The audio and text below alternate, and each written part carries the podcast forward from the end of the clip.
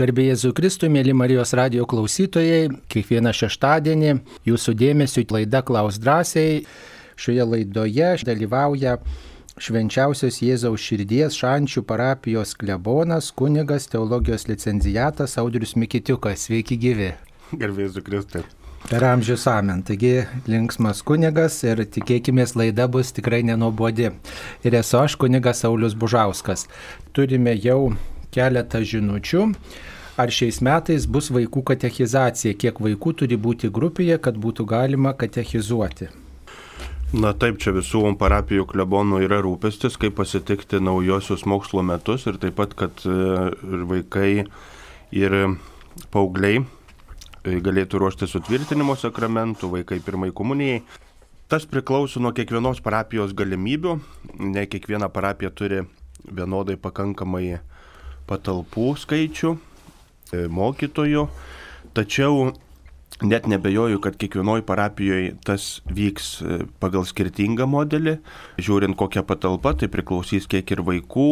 Tik tai aišku viena, kad visur reikia laikytis protingumo kriterijaus, neįsigazdinti patiems savęs ir negazdinti kitų, laikytis sveikatos apsaugos ministerijos nustatyto apsaugos priemonių taisyklių, bet kad ten iki panikos mūsų tikslas iš tikrųjų esamoji situacijoje vis tiek žmonėm padėti e, pasiruošti priimti sakramentus ir kad tai nesustotų atidedant kitiems metams. Galiausiai Jeigu mes turėsime galbūt e, ir didesnius apribojimus, tai vėl gal grįšime prie nutolinio e, mokymo Tai nėra labai patogu, tai nėra labai patogu, bet visada reikia pristaikytis prie situacijų. Žmonės prie karo prisitaikė, žmonės prie bado prisitaikė, žmonės prie, prie visko prisitaikė, žinot, ir čia reikėtų anegdotą gal papasakoti. Tai dabar daugelis, daugelis tikrai pergyvena, kad tas kaukės reikia nešiot, bet Jeigu būtų vidurių šiltinė, tai žinot, turėtume su pampersais vaikščioti. Tai jeigu užeitų vidurių šiltinė, tai kaukės prisimintume kaip gražų sapną. Taip. O ne pampersus pupažase nešiotis pupoką.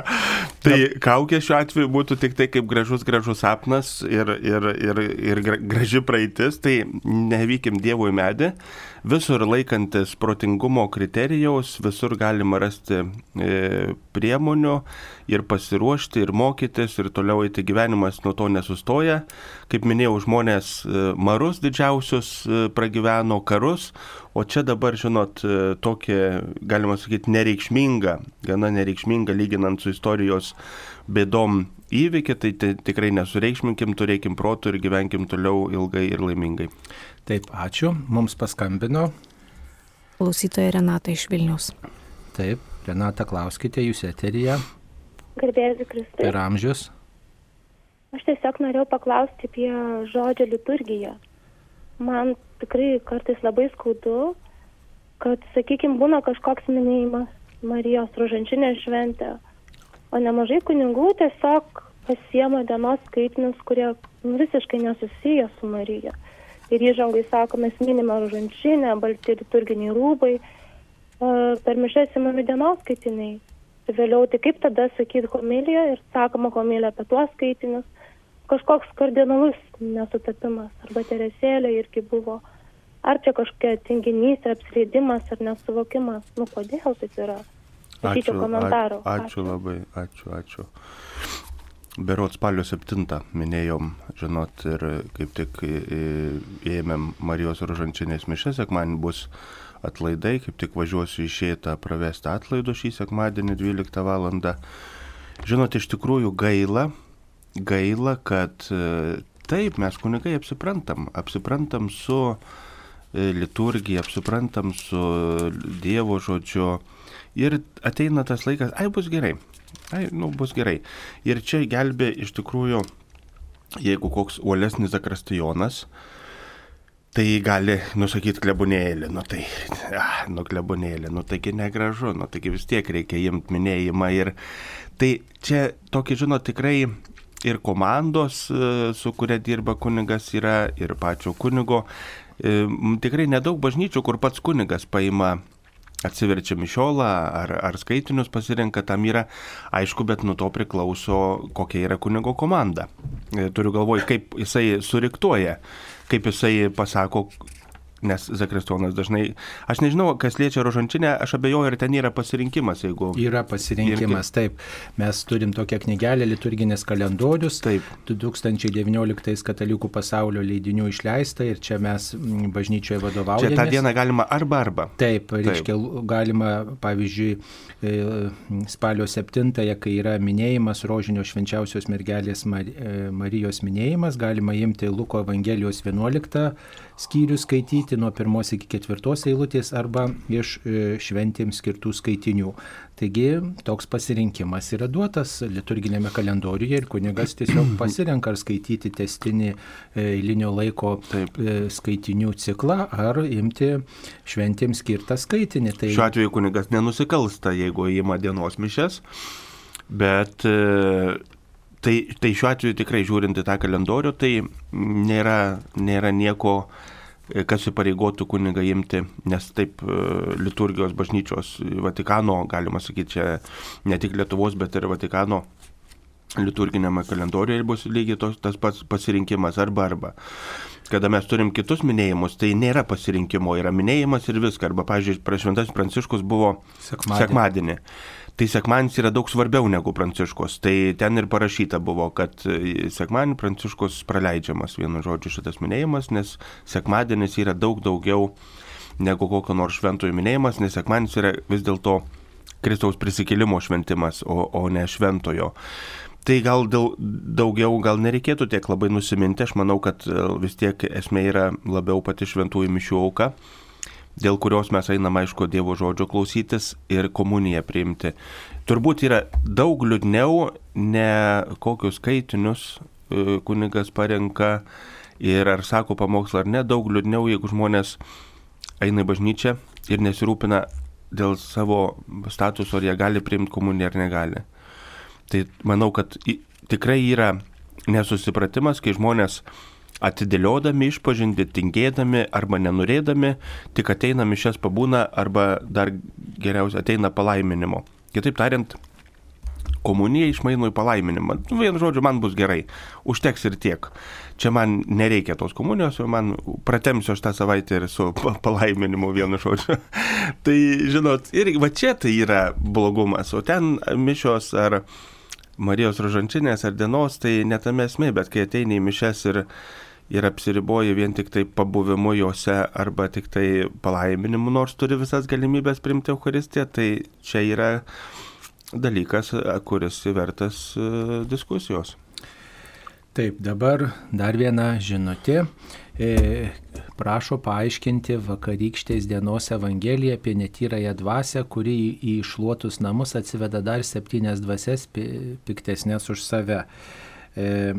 Tai ištrauka yra iš Evangelijos pagal Luką 11 skyriaus nuo 15 iki 26 eilutės. Ir mm, tiesiog... Nu ką, šitas klausimas iš tikrųjų, jeigu taip jau labai norėtumėt išsamaus ir gazdinančio atsakymo, tai ir Nolda Valkauską reiktų paklausti, tai jisai atsakytų taip, kad jau būtų baisu net žiūrėti šitą Evangelijos vietą.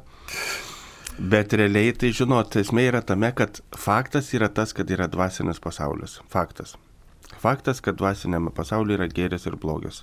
Tas, kitaip tariant, dvasinis pasaulis yra realesnis negu materialus, nes Dievas yra dvasia ir jisai, jo buveinė, kitaip tariant, yra tas neregimoji kūryba, ta dvasinio pasaulio, e, jisai yra, e, kitaip tariant, jis gyvena dvasiniam pasauliu, e, ne tiek materialiam.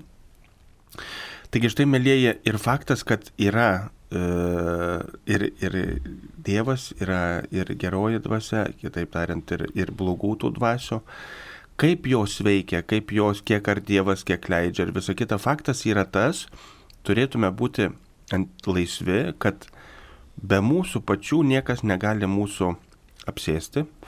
Vakar sakydamas bažnyčią, aš sutinku, kad visos Lietuvos ir viso pasaulio burtininkai pradėtų ką nors daryti, ką man nepasisektų ir jie niekada to nepadarytų, dėl to, kad Dievas yra daug didesnis negu viso pasaulio burtininkai. gali žmonės pasidaryti mano vudų lėlę ir ją badyti arba suvalgyti, irgi man nieko neatsitiktų, dėl to, kad aš tikiu Dievą, kuris yra daug galingesnis negu visų kitų pykčiai arba ten nepasitenkinimai ir pavydai, tai jie nieko negali padaryti, kol pats žmogus tuo nepradeda gyventi. Jeigu žmogus sako, o mano, mane prakeikia ir dabar man nesiseka, visiems nesiseka, o kam čia jau labai sakas. O paklausus vieną kunigą sako, kaip tau saka, sako, nu kaip, nelaimė, nelaimė, paskui labai didelė bėda ir vėl nelaimė. Vienu žodžiu, tai negali visko nurašyti Antai, kad ten, žinot, padangą pradūriau, tai mane prakeikė, dabar čia operaciją turėsiu mane prakeikė, žinot, ten koronavirusus susirgau nedaug dievė prakeikė. Tai žmonės to prakeikimu ir gyvena. Ir čia yra geriausias dirba tai piktai dvasiai reikštis, nes žmogus yra atviras jai nes e, mane prakeikė, bet jeigu žmogu, sakytum, ateik palaiminsiu, ne? Palaiminsi ir jisai palaiminimui nepriskirtų begalės tos dienos gražių dalykų, jausmų, va štai ėjau, sutikau žmonės, kurie man šipsojos, komplimentų pasakė, ten dar kažkas ir nesakytų čia dėl to, kad palaimino. Čia taip turbūt. Bet jeigu prakeikė ir nedaug dievė, kad tai būtinai, tai žmonės, arba, pažiūrėjau, tie, kurie eina pas būrėjus, įsivaizduokit savo gyvenimą atiduoda į nepažįstamo, e, nežinia kokių keislų turinčio žmonių gaus rankas. Ir burėje gali pasakyti, nu, matau, kortos rodo, kad tu įsiskirsi. Nu ir žmogus įsiskirs, nes sako, burėje man sakė, kad aš įsiskirsiu. Aš esu laidojęs iš Rūklos vieną gana jauną vaikiną. Ir žino, dėl ko šį laidojau, dėl to, kad jis buvo pas burėje, o burėje pasakė, kad tu jaunas mirsi. Ir jisai labai greitai važinėdavo. Ir draugų paklaustas, kodėl tu taip, nu, neatsargiai važinėjai, sakė vis tiek burė, sakė, kad aš jaunas mirsiu. Ir akurat, ir prisiplojo. Tai va, kitaip tariant, pasako kažkas, tu atiduodi savo gyvenimą į kažkieno kokio tai nepa, nu, visiškai svetimo žmogaus rankas, jisai pasako, kad tu jaunas mirsi ir tu pradedi taip elgtis, tarsi iš tikrųjų tu pasmerktas jaunas mirti, nes šiuo atveju jisai neprotingai greitai ir neatsargiai važinėjo ir jisai tikrai užsimušė, nes Vatburėjo pasakė, kad jisai jaunas mirs.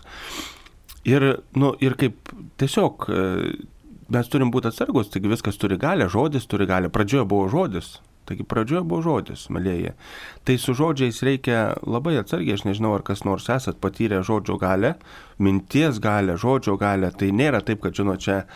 Dėl to daugelis žmonių nuo savo minčių, nuo savo jausmų, taigi sako, o iš kur man tas vėžys, nuo ko, nuo pavydo, nuo pagėžos, nuo, nuo nepykantos, nuo pykčio, ne šiaip, kad iš dangaus nukrito. Žiūrėkit, tie žmonės, kurie, pažiūrėjau, susirga, sakykime, vėžiu, Ir būna taip, kad gyvenimas jų pasikeičia kardinaliai ir jie pradeda viską mylėti, viską branginti, vienu žodžiu, medelius, ekologiją, viskas, ko anksčiau nebuvo, ką jie padaro, pagyja ir toliau ilgai ir nuobodžiai gyvena.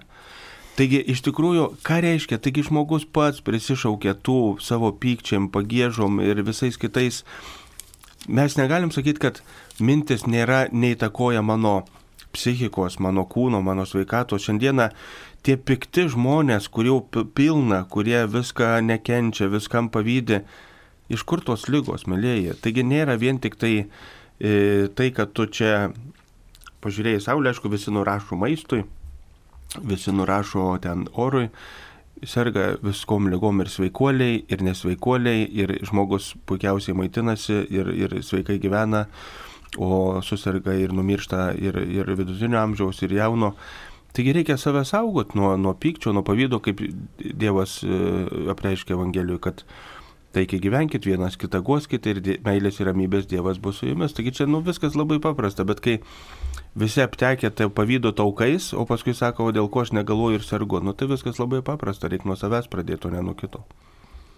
Kitaip sakant, kai namus randa išluotus, tai Reiškia, kad tas žmogus gal džiaugiasi, kad atsikratė piktosios dvasios, bet e, nepasirinko Dievo. Tiesiog tuščios vietos negali būti, kaip ir gamtoje nebūna tuščios vietos, žiūrėkit lauką paliekit, toj pat, e, e, jeigu nedaržovės ar java auga, ar medžiai, tai kažkokios pikžolės sužėlė. Taip ir dvasiniam gyvenime, jeigu mes kad ir atsikratom piktosios dvasios, eidami iš pažinties, ar egzorcistas pasidarbuoja mūsų gyvenime, tai nereiškia, kad toliau galim gyventi lyg niekur niekur, reikia tą vietą užpildyti Dievu, nes jeigu neužpildom, tai piktoji dvasia ten sugrįžta.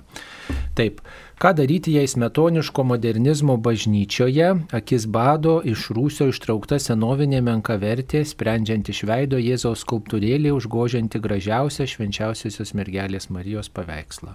Kreiptis pas kleboną, nu, tai turbūt kalbėti. Pas kleboną, sakyt, mielas klebonėlį, norėjau užduoti klausimą, čia tokį va turiu. Ar šiandien jūsų gera nuotaika? Ir jeigu gera, tai gal galėčiau kreiptis, o jeigu dėl ko esat piktas, tai pasakykit, aš kitą dieną ateisiu ir noriu pasikalbėti. Gerai, tai vienu žodžiu pasikalbėti su klebonu, nu matot, skonis toks dalykas, aišku, reikėtų gal kalbėtis ir su kitais tikinčiaisiais, galbūt visiems patinka, visiems tinka, tik tai mes esam labai tokie reiklus. Žinot, būna įvairiausių tokių dalykų, pažiūrėkite, kartą žmonės ką nors padovanoja bažnyčiai, nu žinot, tokia beskonybė, tokia beskonybė. Ir tu kurį laiką turi toleruoti kažkur padėjęs, kad vien dėl to, kad tas žmogus matytų, kad čia, kad čia jis padovanojo, čia jo dovana, nes jeigu nuimsi, tai sakys, o aš padovanojau, klebonas čia visiškai numetė į kampą. Nu, čia yra daug tų žmogiškų santykių, daug, daug kur turi skaitytis ir, ir ne visada, galiausiai sakau, naikit paskalbėti su klebonu ir galiausiai gal ne visada bus taip, kaip atrodo. Gal koks zakristionas, padėjo tas klebonas, nes nematė. Taigi tas klebonas ten nemiega toj bažnyčioj, kad, e, žinot, matytų kiekvienas skulptūrėlę. Gal zakristionui gražinai padėjau klebonas net dar nematė, tai kaip pasakysit, pats nusteps. Taip, tai nustebinsit kleboną. Nu. Taip, šventoriuje prikalta lentelė su dešimt Dievo įsakymų. Pirmas, neturėk kitų dievų, kunigas į tai nereaguoja, nelabai suprantu, ką čia nori pasakyti, manau, mano Dievas, o čia dievai, kiti, ai, Dievas iš didžiosios raidės parašyta, neturėk kitų dievų. Tai Dievas, dievų žodis iš didžiosios mm. raidės, tai turėtų būti iš mažosios. Na ką, ką daryti? Nu tai kad nereaguoja kunigas vėl panašus klausimas, na tai pabandyti dar argumentus pateikti, kad štai taip. O kitas dalykas, mato, ta lentelė galbūt yra kažkoks paveldas ar kažkas reikia į daugelį tokių niuansų atsižvelgti, nes matot, net jeigu ir paveldo kažkoks dalykas iš senų laikų yra ir ten klaida kažkokia įsivėlus, tai nereiškia, kad aš dabar galiu ateiti ir, ir pataisyti su kaltu ar kažkaip. Tai reikia tuos dalykus, na, subtiliai spręsti. Gerai, kad jūs atkreipėte dėmesį, tikrai Dievas yra vienas, o visi kiti yra. Taigi tik... vėl nueit pas kleboną ir sakyti, iš kur čia ta lentelė, ar jums netrodo taip ir taip, ir aš manyčiau, kad taip ir taip, ir viskas čia labai paprasta. Taip. Per klausyklos langelį ar kunigas turi atpažinti žmogų, kokie turi būti klausyklos langeliai. Nu, turbūt niekur nėra nurodyta, kad kokie tie langeliai turėtų būti. Nu, faktas, kad tie langeliai turėtų būti, gali būti iš vis vos vos va tokios mikro, mikro skailutės, per garsas praeina. Garsą girdinė. Bet žinot, būna įvairiausių tokių nutikimų labai įdomių būna, kad aš tai, man labai buvo gražus amžinos atminties tėvo Leono Zarembos, mano dvasios tėvo toks pavyzdys, ateidavom klerikai pas jį iš pažinties, jis niekada neatsimerkdavo. Niekada, niekada. Jis visada sėdėdavo užsimerkęs klausyklų ir niekada neatsimerkdavo. Atsimerkdavo tik tada, jeigu užduodavai kokį klausimą ar šiokį tokį diskusiją, gal minutės antros, būdavo, bet šiaip tai jisai sėdi ir, ir niekada neatsimerkia. Tai šiaip aš nežinau kaip kiti kunigai, bet ten nėra ko smalsauti, man tai, pavyzdžiui, ten nieks nesmalsu per išpažinti, aš tai sėdžiu ir man tikrai neįdomu nei kas kaip atrodo, bet kartais per išpažinti gali papulti į labai labai nemalonės situacijas, jeigu tu nematai žmogaus, nes, pavyzdžiui, iš balso ateina saugęs žmogus, kalba kaip vaikas, pavyzdžiui, balsas. Arba pavyzdžiui būna ateina iš pažinties vyras, bet su moterišku balsu. Ateina, ateina moteris su vyrišku balsu. Ir tu kažkaip girdi vyrišką balsą, bet kalba moterišką nu, asmenio, ne? Moterišką giminės asmenio. Ir tu kitą kartą net atsisukiu pažiūrėti, įsitikinti. Nes jeigu tu neatsisuktum ir nematytum, tai tu, nu, kažkaip gali pasakyti suaugusiam žmogui vaikelį, pavyzdžiui, ne, arba ten moteriai gali pradėti kalbėti kaip vyrui, nematydams, kad arba atvirkščiai vyrų kaip moteriai, Nu, vat, ar, arba, nu, visada, aš nežinau, ar ten turi būti jau toks oficialus, kad net kalbėtum, kad net nesuprastų, kurios lyties žmogui kalbėti ir kalbėti tikrai kaip tiesiog, va, kaip robotui, kokiam, kuris ten būtų visi neutrum. Tai tas, tas, tas yra, žinot, kartais to atpažinimo reikia, bet ne dėl smalsumo, bet dėl, dėl kad tu galėtum nebijodamas kalbėti, kam tu kalbi. Aš galiu papasakot vieną, vieną mokytą atėjo pas manęs ir turėjau altaristą, kuris nu, labai, žinot, mėgdavo klausyklą ir problema yra tame, kai kunigai pasensta, jie labai nori būti reikalingi ir daug pradeda norėti daugiau daryti negu būdami jauni. Ir jie ir laido tada nori, ir, ir klausyklose sėdėti, bet žinot, ką tu toj klausykloj prisidėsi, kad tu jau pusiau aklas ir pusiau kurčias. Bet į tą klausyklą taip spraudžias, nu nebus taip, kad neleistum, žinot, nu, nu, nu kas tu toks, kad neleistum, žinot. Nu ir viena moteris gal 60 virš metų atėjo iš pažinties pas tą jau vyresnį kunigą 90 virš metų. O jie sako, nieko vaikeli, prasidės rugsėjo pirmą, vad pradės eiti mokyklą, klausyk mokytojų, klausyk tėvelių, vienu žodžiu. Ir jisai kaip mažam vaikui, žinai, jis galvoja, kad ar tie rugsėjo pirmą, tai tik vaikai eis iš pažinties, žinai.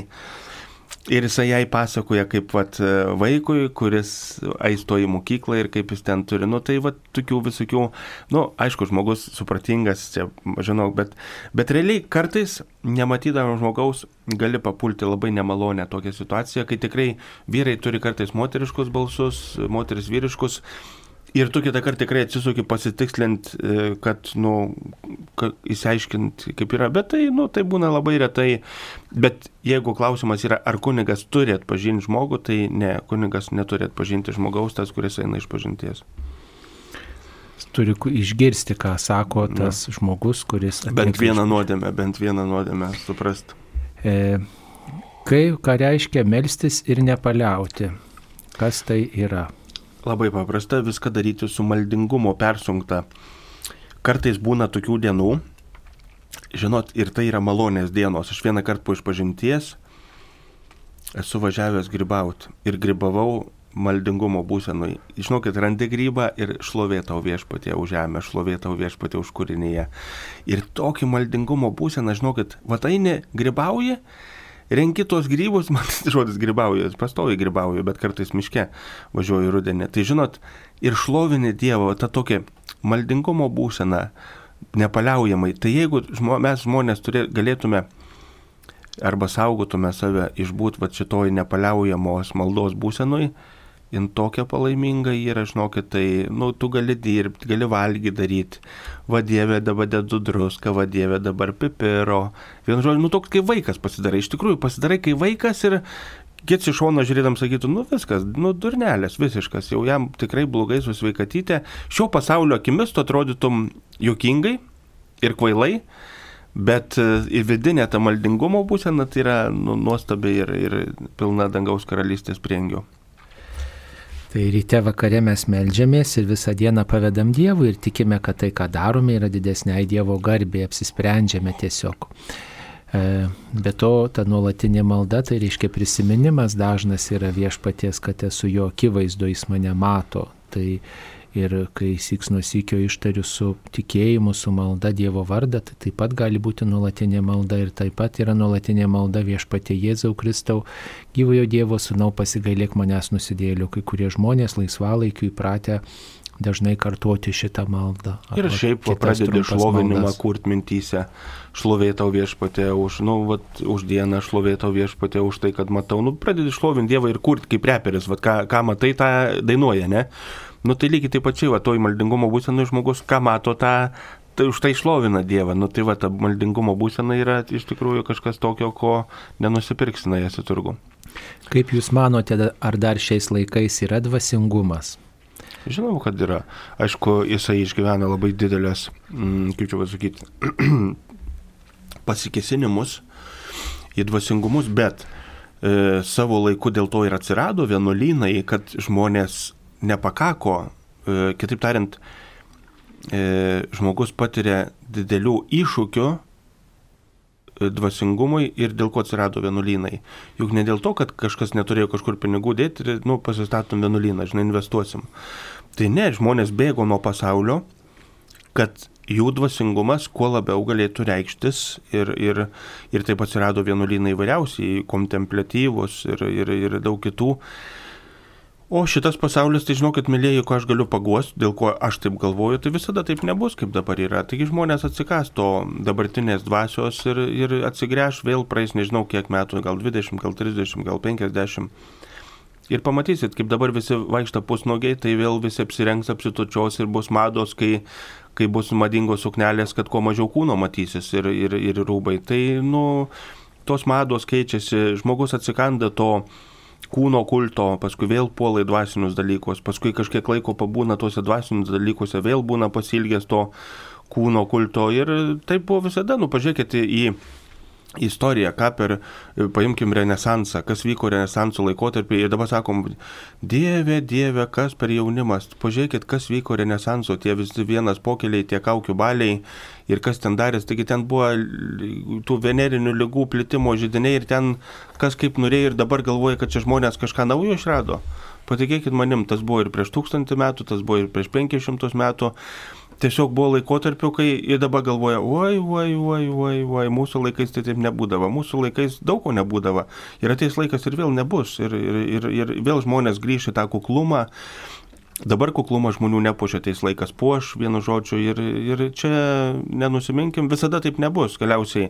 Ir istorija padiktuos savo dalykus, už žmonės nuo dvasinių dalykų, tai čia niekur nepabėgsi, žinot, čia gali kurį laiką juos pamiršti, bet ateis laikas, kai visa žmonė vėl grešis prie, prie dvasingumo ir vėl statys ir bažnyčias, ir vienuolynus. Nu, svarbu pasakyti, kas suvokti, susitarti, kas tas yra dvasingumas, atvirumas Dievo dvasiai, atvirumas Dievo dvasiai, kurią mes gauname per sakramentus ir per mm, viešpaties tokį palytėjimą, per, per jo akistatą su juo, per patirtį Dievo. Tai E, nu, dabar... daug, aišku, jeigu žmonės kalba apie tą dvasingumą, kur sėdi kur kampe ir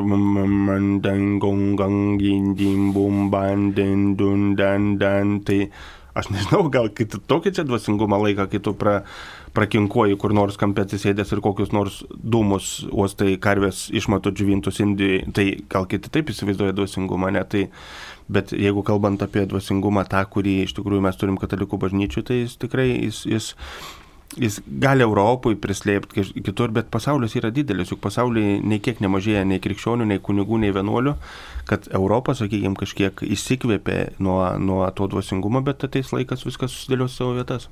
Tai ir pas mus Lietuvoje juk yra daug tokių ir bendruomenių, ir žmonių, kurie labai ieško tokio sąmoningo Taip. tikėjimo ir skiria laiką rekolekcijoms ir, ir, ir, ir skaito ir šventą raštą ir domisi. Ir, ir štai prenumeruoja magnifikat maldinėlį. Arba ne, neukatechumenų bendruomenės irgi, kurie tai. pirmųjų krikščionių duose gyvena. Tai žodžiu, dėkui Dievui, kad yra dar tų žmonių, nors mes jų visada pasigendame, kurie gyventų pagal Kristaus mokslą ir būtų atviri Dievo dvasiai. Meldžiuosi gulėdama, ar tai tinginystė ir nepagarba Dievui. Na, su kokiu tikslu jūs tą darote, jeigu jūs... Mm, E, neturite sveikatos, jeigu tiesiog galbūt šalta ryte melstis atsikėlus ir ten atsiklaupus atsisėdus ar kaip kitaip, tai tiesiog melžiatės gulėdami, nes taip tiesiog patogiau, bet jūsų dvasia atvira Dievui, širdis atvira Dievui, tai nėra jokia nepagarba ir jokia tinginystė. Popiežius yra sakęs, geriau melstis ir užmėgti, negu iš vis nesimelsti. taip. Tai geriau pasirinkime maldos kelią ir būdą taip, kaip mums yra patogu, norėdami pagerbti, pagarbinti Dievą. Iš vaikystės atsimenu, kad praeinančiam kunigui bažnyčioje moteris bučiuodavo kamžos kraštą. Ar tai liturginė nuoroda, ar liaudės išmonė? Liaudės tradicijos, e, seniau žmonės, e, žinot, iš tikrųjų, ką noriu pasakyti, tos tradicijos tai, nu vėl, yra mūsų pamaldumo išraiška, aišku, kunigo sudėvinti nereikia, bet, pavyzdžiui, man jau to reikia, bet, pavyzdžiui, kunigas eidamas... Pabučiuotų kamžas kraštą? Ne, ne, ne, aš turiu galvoje, aš turiu pasakysiu, ko man reikia. Man reikia, pavyzdžiui, kai aš einu iš pažinties ir aš prieinu, aš suprantu, kad tas kunigas, pas kurį aš turiu galimybę atlikti išpažinti, kuris man leidžia išgyventi gėdą dėl savo nuodėmių. Ta prasme, man to reikia pabučiuoti, pažiūrėjau, kunigui ranką, yra gal tokių, kur ten kaip mergaitės ne, ne, ne, ne, ne, neduoda, nustula tada, pažiūrėjau, ir žmonės seniau turėjo stulą kunigui bučiuoti, va, klausykloj, jie ir dabar, žinot, kai būdavo jaunesnis kunigas, kai kurie vyresni žmonės atlieka išpažinti, ir ateina prie klausyklos ir, ir, ir lenda į klausyklą ir iš pradžių nesuprasdavau ko. O jie lenda į tą klausyklą paduoti tą stulą, kad jie galėtų tą jūrės tolę, kaip sakant, tą ženklą, kuris e, kuniga įteisina e, būti legaliu Dievo gailestingumo, žinot, tvarkytoju ir, ir, ir, ir, ir šventėju. Tai va žmonėm, pažiūrėjau, ir man irgi, aš galiu pasakyti, man to reikia. Nes aš puikiai suprantu, kad daugelis, nu, ten mato tų kunigų, ten vienas kitas, bet aš puikiai suprantu, kas yra kunigų gyvenimas, aš puikiai suprantu, kad tai nėra šiaip gyvenimas, e, kaip čia sakyti, be aukos. Nu tai vis tiek tai yra gyvenimas su, su daug aukos, kitaip tariant, tuose, nežinau kaip kitiem atrodo, bet kaip aš suprantu kunigų gyvenimo, tai man tikrai verta pagarbos, kad aš prieės iš pažinties pabučiuočiau stulą ar kunigui ranką, nes man, man iš vidaus yra puikiai suprantama, kad ką jisai veikia ir kad tai yra pakankamai nusipelnęs pagarbos asmo, dėl ko aš galėčiau tą padaryti. O kitiem galbūt, kai ta išpažintis yra, sako, man išpažintis nieko neduoda. Nu, jeigu visi taip pat išpažinties kaip daugelis žmonių, tai niekam jinai nieko neduotų. Taigi čia vis tiek yra išpažinties turėti iš, iš, iš sąžinės dalykų, ne iš būtinio. Ir, ir jeigu tik tai iš būtinių eini, tai čia aišku, kad nieko neduos, čia turi giliau kabinti, kalbėti apie savo vidinius išgyvenimus, apie savo veidmainystės, kad, kada būni tu pakankamai išlykštus ir, ir tas nekšybė žmogaus paslaptis. Ir daugelis tik ateina ten, nu tai pikau, žinot, ten neklausiau mamos, penktadienį mėsą valgiau. Jeigu tu išpažįsti tik tas nuodėmės, kurias gali išpažinti atsistojęs prieš visą bažnyčią, ir neišgyventi jokios gėdos, tai čia tos nuodėmės yra, žinot, kaip sakant, mizeris, bet kalba eina apie tas nuodėmės, kur, kurių tu ne tik nepasakytum, bet ir slepi po deviniais užraktais ir, ir nenorėtum, kad savo tavo, tavo šlykštąją, šlykščiąją pusę tu žinoti, kaip tu apkalbėjai, kaip tu niekinai, kaip tu nekentėjai, kaip tu kūrė intrigas, kaip tu norėjai daryti įtaką, kaip tu e, tyčia norėjai sukelti kokį nors pavydą ir intrigą, kaip tu, sakykime, tyčia skaudina ir norėjai skaudinti e, veidmainevai. Daugelis apie tai nutyli ir nema, nemano, nemano reikalo tokių dalykų išpažinti ir, ir jie nueina ir sako, išpažintis nieko neduoda, nu kur tau duos, jeigu tik tai viena išpažinti, žinai, kad penktadienį mėsą valgiau, tai daugiau jokios, nu tai ką jin gali duoti. Koks buvo klausimas? Tai dabar mums paskambino. Klausytoja Liongina. Taip, klauskite. Gerbėsiu Kristus. Per amžius. Dabar mane domina labai seni, seni dalykai, bet e, tik dabar sužinojau. Šitaip, mano dukros jau kuris laiks, kai jos išėjo į miestą, jos rada geresnį tikėjimą. Žinoma, aš tai kabutė sakau. Bet e, tai Jehovos liudytojus. Mane jos mokina, mokina kokius tris metus, nu, per, ne per auklėje. O daugiau, kada jau labiau sugrėdė, sako, nebūkit čia tūna tarnaitis, bet tada man labai negerai buvo. Tai dabar aš klausiu, klausiu tokio klausimu dėl to, kai jos buvo pasikrikštijusios. Jos be sutvirtinimo sakramenta buvo, na tai jau atsirimims tai buvo, nes tėvus be sutvirtinimo sakramenta buvo. Nu, tai gali į to, į to tai jos atsirėm, kad, kad realiai gerai buvo, kodėl dabar čia negerai, kad mums reikia. Na ir dabar jos, kaip jau Jehovos liudytojus buvo, jos tenai, kad įstoti tuos Jehovos liudytojus, jom reikėjo prisikrikštyti. E, ten, ten tas darius uniformas į baseinų lenda į vandenį, į krikštijus, iš naujo. O dabar, o kaip dabar bažnyčios krikštais negaliojantis. O tai kaip dabar jūs visai be krikštą. A kaip dabar man tas krikštas labai domina. Taip, supratom. Ačiū Jums, ačiū už klausimą. Ne, krikštas tas, kuris yra pakrikštytas Kristaus vardu, jisai yra niekaip neišdildomas, niekaip neišmetamas, nes tai yra žymė ant gamtinio, kitaip tariant, mes visada būsim pakri ir to niekaip neišimsi, neišpjausi. Net jei žmogus ir atsižada tikėjimo, jis vis tiek palieka pakrikštytas. Jo, jisai. Ir, ir viešpats laukia atsivertimo, laukia sugrįžimo, net jeigu jis na, priima kažkokį kitą tikėjimo, uh, kito tikėjimo kažkokį ženklą, jis vis tiek yra pakrikštytas. Matot, Dievas nėra tiek ribotas, kad jisai čia nais uh, užpyktų tuoj, kad žmogus ten jo kažkokiu būdu negarbina ir dabar čia, nu taigi Dievas tą gali matyti kaip žmogų, kuris galbūt klysta, kuris neteisingai pasirenka, kuris ten žaidžia kitoj smėlio dėžiai, negu kad galbūt reikėtų žaisti. Bet nebijokit, taigi pažais ateis laikas tų Jehovos liudytojų tiek sugrįžusių į katalikų bažnyčią prieš mirtį, kad kai tie Jehovos liudytojai atims, kaip sakant, visą turtą, visus būtus ir, ir, ir visa kita, tai nebijokit grįžti į katalikų bažnyčią, ypatingai karitą prašyti, kad duotų prieglopstį ir nakvynės namus ir, ir pavalgyti ką nors. Tai, kaip sakant, jų ateitis prie katalikų bažnyčios karito durų. Nes, nes Jehovos liudytojai tai nepaleis, taip kaip sakant, kad va, e, pilnom rankom vis tiek jie turi savo tikslų. Jie, iš vis ten ta jų teologija, kad bus išgelbėti tik 144 tūkstančiai. Pažodžiui priima. Jo. O visi kiti ten, aš tai neįsivaizduoju, kaip jie įsivaizduoja čia ten jie pretenduoja į vieną vietą, aš nežinau kiek, čia daugiau negu Seimo narių pas mus, kiek į vieną vietą dešimt, ne?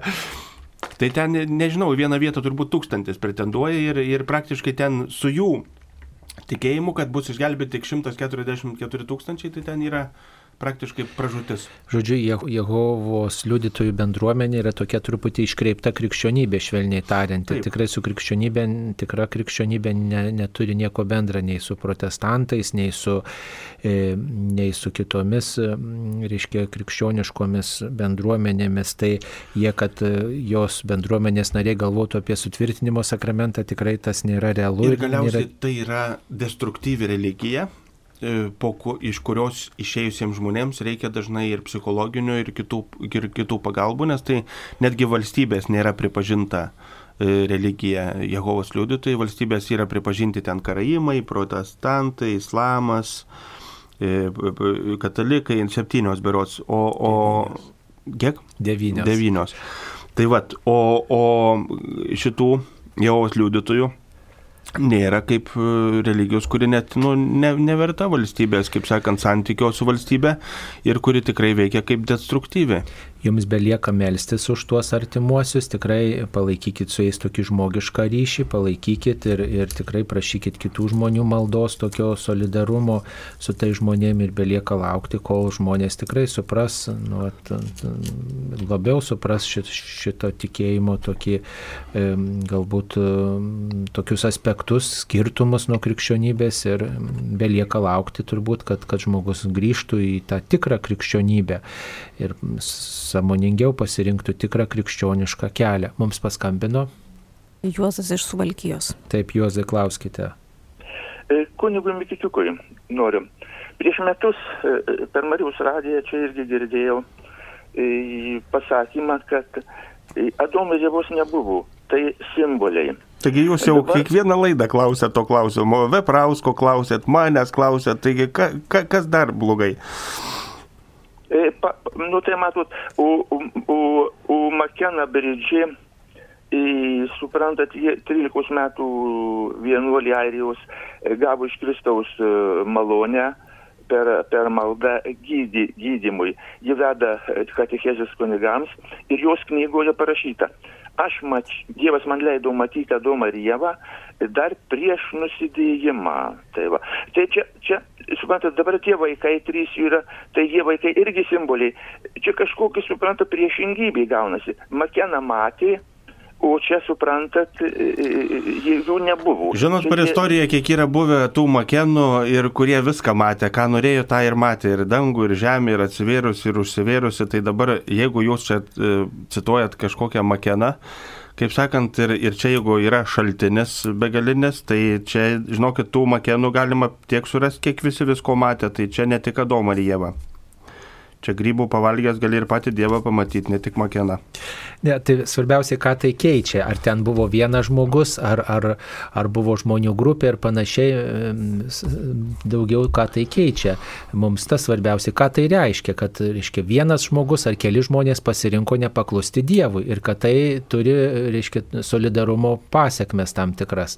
Kad mes paveldime tai, ką gyveno, gyvenantieji žmonės prieš mus veikia ir, ir reiškia, mes su žmogystė paveldime jų, e, jų tam tikrus polinkius nuostatas ir panašiai. Tai, tai taip kaip gyv, gyv, iš savo tėvų kažką paveldime, iš savo senelių kažką paveldime, tai žinia tokia yra, kad mes ir iš pirmųjų žmonių kažką paveldime. O ar ten buvo vienas žmogus, ar ten buvo e, kelių žmonių nepaklusnumas Dievui, tai iš esmės nėra didelio skirtumo. Ten kalba eina apie tai, kad žmonėje, tiesiog žmonėje kaip tokia vienu žodžiu, ten nėra Adomas ir Jėva, tiesiog žmonėje, jeigu paimt e, visus tos dalykus, ten ga, ga, galima suosmeninti, bet ką galima suosmeninti, bet esmė yra tame, kad man labai gaila, kad šitas žmogus yra tiesiog užsiciklinęs, užstrigęs ties Adomu ir Jėva ir visa kita niekaip neįsprendžiami klausimai, nes Adomas ir Jėva, vienu žodžiu, jeigu jų nebuvo, tai, tai vadinasi, nieko nebuvo. Nu tiesiog tai yra pradžios knyga, aplamai yra nu, daug perkeltinės prasmės, daug, daug, daug simbolių, daug visko ir, ir, ir dabar Jeigu ten įsivaizduoti tai Adomas ir Jėva, ten jų vaikai ir vaikai iš vaikų, tai tada jūs paaiškinkit man tada, iš kur yra rasės.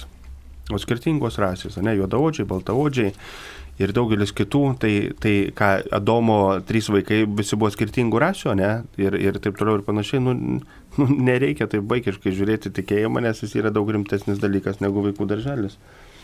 Taip, mums paskambino. Genė iš Utenos. Taip, genė, klauskite.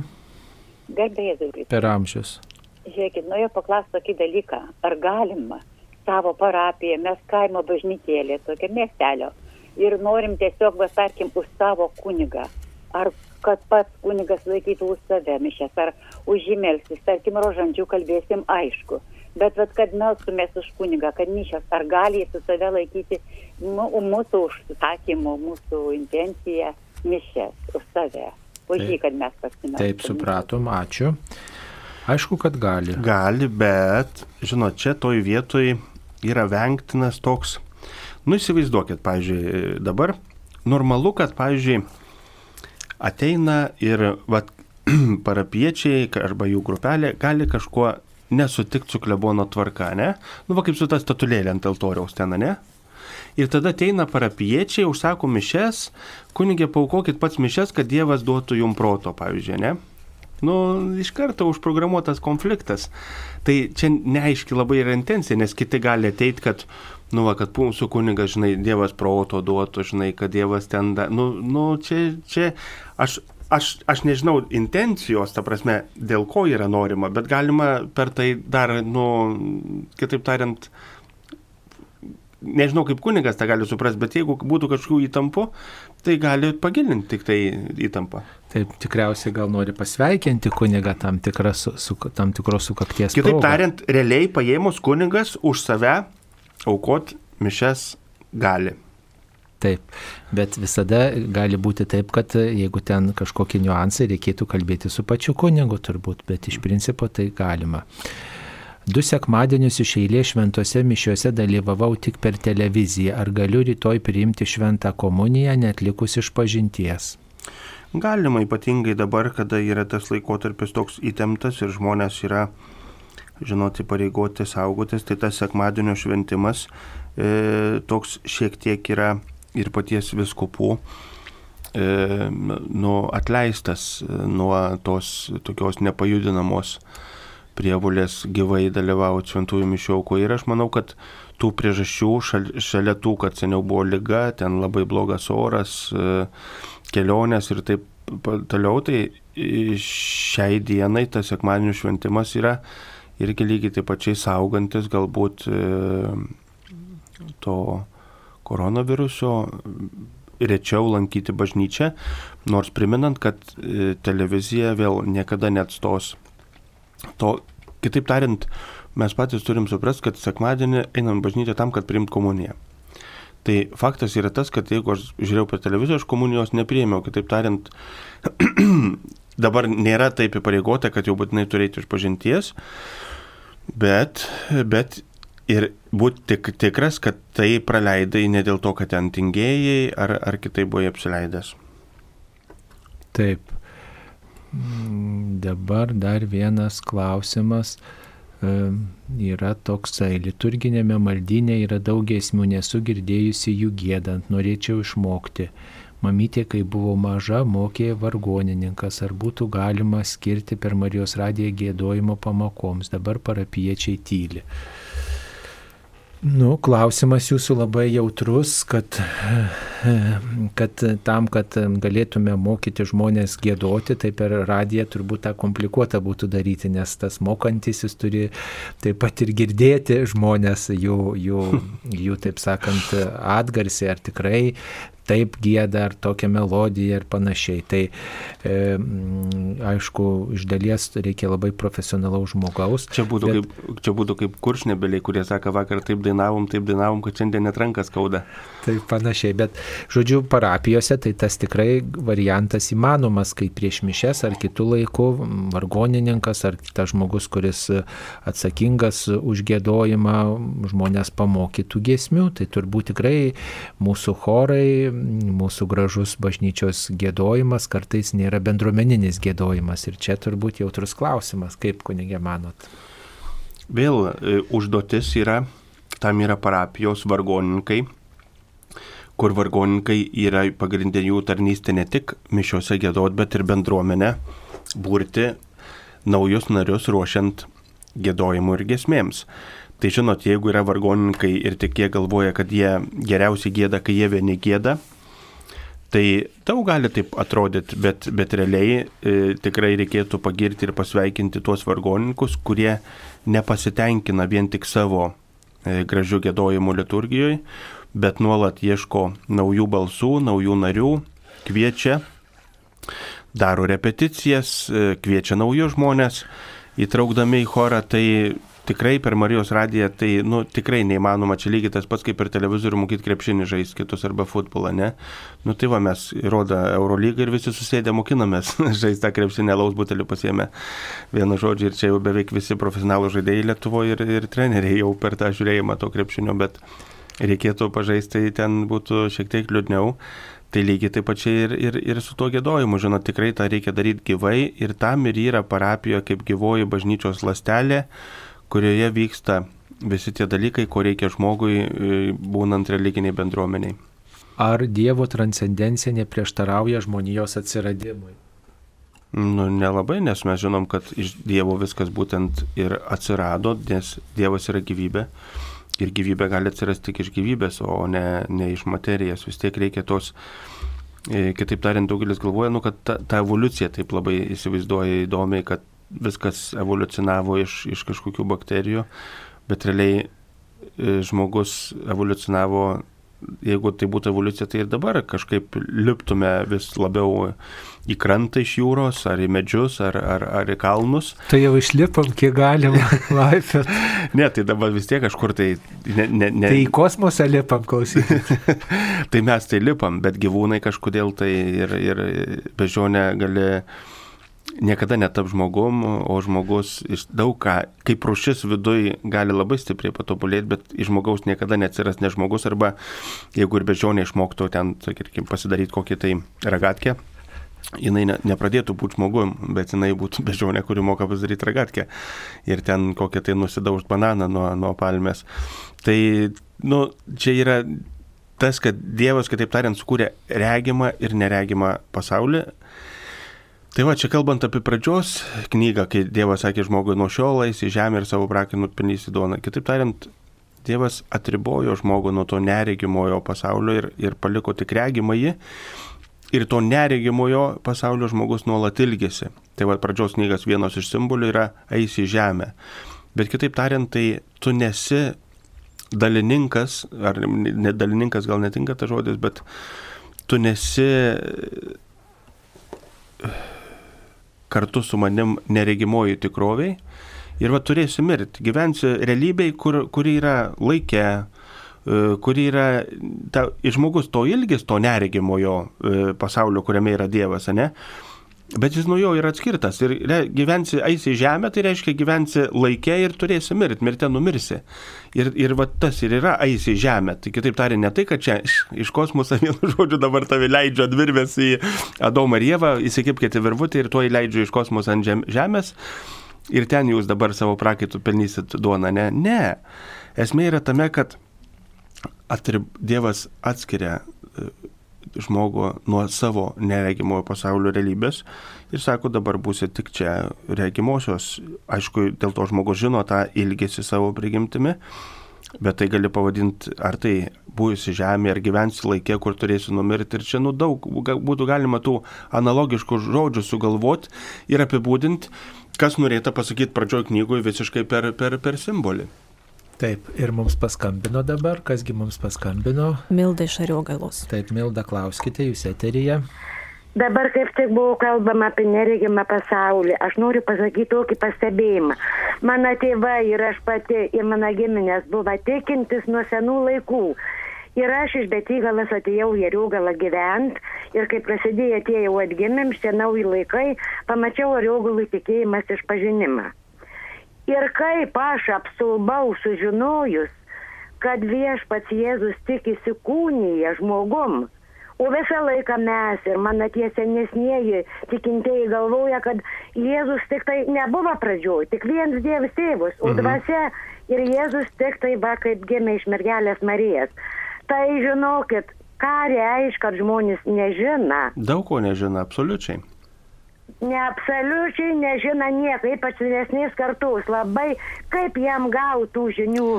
Taigi kiekvienoj parapijoje kiekvienoj parapijoje taigi yra organizuojami, tarp kitų, Jeriogalą planuoju laivai kažkada važiuoti lašinių, nusipirkti, gal pasimatysim, neužilgo. Žinot, taigi kiekvienoj parapijoje yra organizuojami dabar tas alfa kursas, katechomenatas, kurso tikėjimo pažinimo kursai. Tai žinokit, tikrai žmonės absoliučiai, absoliučiai, absoliučiai neturi, pažiūrėjau, ne tik žmonės, bet jeigu paimt tikrai kai kurie kunigai, nekalbu apie zakrastionus ir vargonininkus, aš aną kartą savo parapijai papasakoju ir vargonininkai irgi, ir, ir, ir kiti ten žmonės buvę ne, nežinojo, pažiūrėjau, jeigu paim nekaltas prasidėjimas, ne? Visi galvoja, kad nekaltas prasidėjimas yra Kristaus e, Kristaus prasidėjimas Marijos iščiose. Ir visi galvoja, kad tai yra Marijos neštumas iš šventosios dvasios, visi galvoja, kad tai yra nekaltas prasidėjimas. Ne.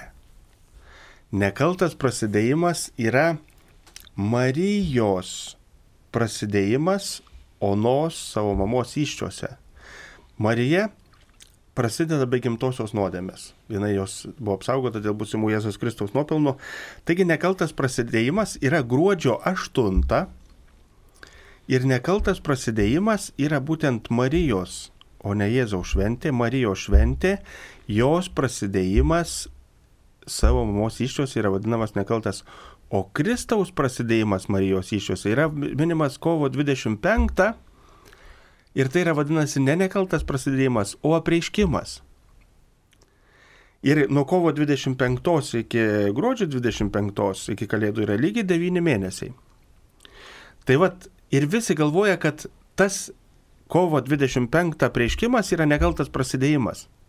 Nors nieko bendra neturi. Nekaltas prasidėjimas yra gruodžio 8, tai reiškia Marijos prasidėjimas onos iščiuose, o Kristaus prasidėjimas Marijos iščiuose yra kovo 25 ir tai vadinasi ne nekaltas prasidėjimas, o apreiškimas, kad angelas Gabrielius atėjo pas Mariją Galilėjos miestą, ne, į Nazaretą. Ir, ir daugelis Nekalbu, kad ten tikinčiųjų nežino, kad bažnyčia tarnų, bet daugelis kunigų net tą nėra įsigilinę ir, ir nežino. Nu, klausimas apie Jėzaus Kristaus e, žmogystę. Tai žmogystė neegzistavo, Jėzaus Kristaus žmogystė neegzistavo prie, prieš bet, įsikūnymą. Bet, bet Dievo bet, sūnus egzistavo. Taip, Dievo žodis sūnus, buvo pas Dievą ir žodis buvo Dievas. Dievo sūnus egzistavo ir tiesiog atėjo laikas, kai Dievo sūnus, jis negimė, o priėmė žmogaus prigimti. Jis neatsirado prieš tai nebuvęs jisai realiai buvo, tik atėjo priimti žmogaus žmogystę. Jo, žmogystę. Ir tai yra iš tikrųjų labai nuostabi teologija ir to nesuprantant yra labai sunku tikėti tą išganimo istoriją, kad Dievas iš tikrųjų eina ten, kur į mirtį, eina į mirtį ten, kad pasiimtų tie, kurie yra mirti. Mes irgi, žinot, jeigu norim išgelbėti, mes einam pas benamius, norint juos ištraukti iš benamystės, mes einam pas alkoholikus, norint atsivesti juos čia, kur esi tu. Ta prasme, eini ten, kad atsivestum iš ten, tai Jėzus eina į mirtį, kad atsivestų iš, iš ten, kur jisai yra, kur nėra mirties ir yra gyvenimas. Taip, mėlyjeji, dabar padarysime pertrauką ir jos metu pasiklausysime Kauno Petrašiūnų jaunimo būrelio atliekamos giesmės didysis. Taip įsijaučiau kalbėti ir pertrauką. Nu. Vaja, vaja.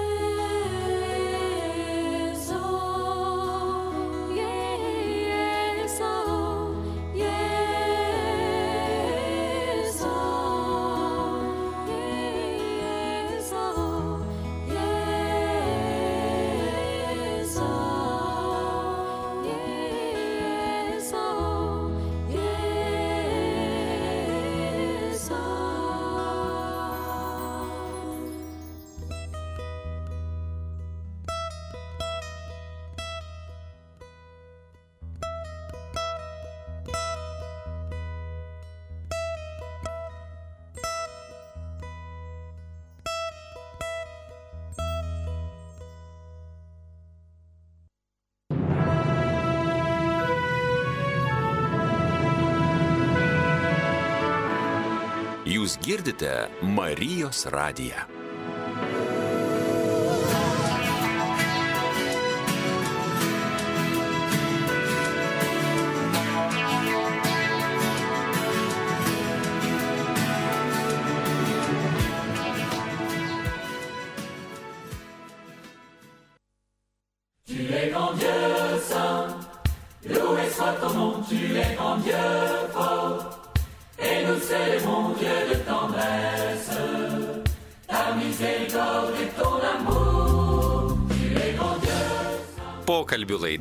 Klausk drąsiai.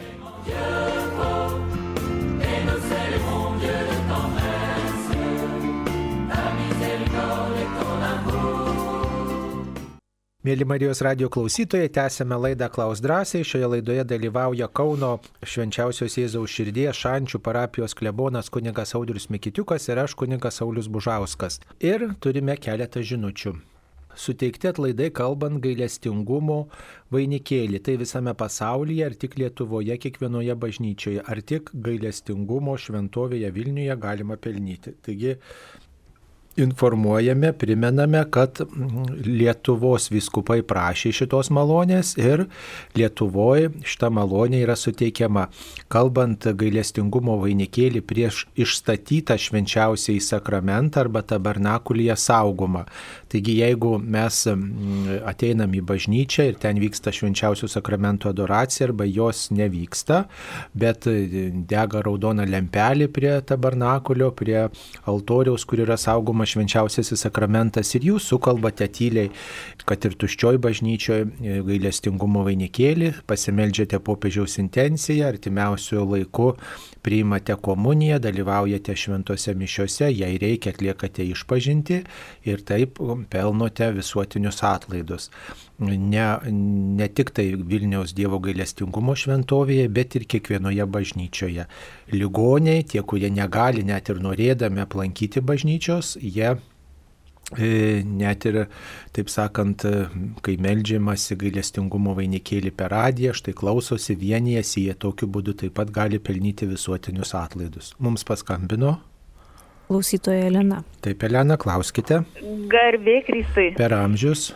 Esu panevežėti, bet dabar uh, reabilituojuosi šventojoje.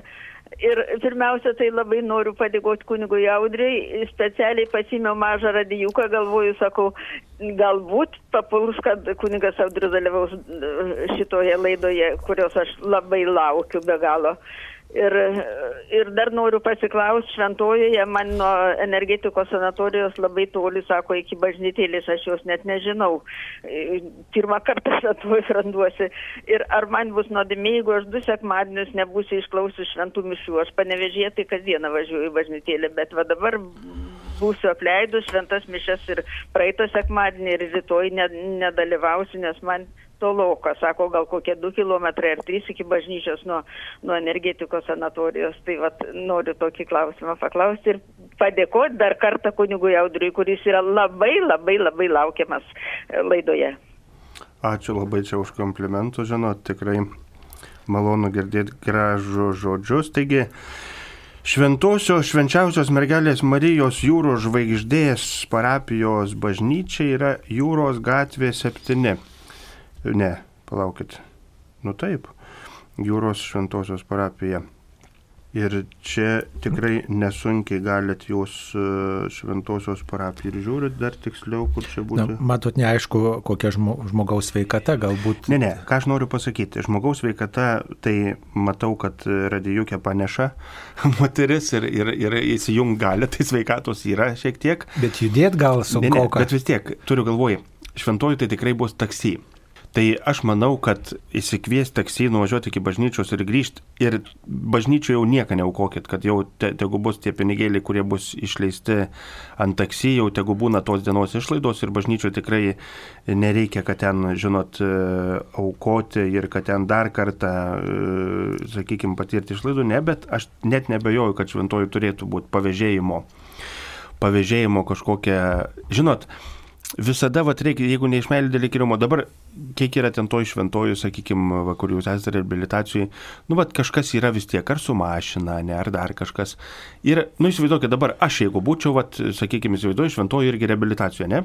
Ir, va, prieina moteriškė prie mane, sakytų, jaunuolį, kaip, nu, koks jaunuolį, jau kaip sakant, gal aš čia per gerai apie save galvoju, nu gerai, sakytų, dėdė. Va, sekmadienis rytoj. A galėtumėt mane pavežti iki bažnyčios? Sakytų, ką? Ne, nu bet realiai, a galėtumėt mane pavežti iki bažnyčios.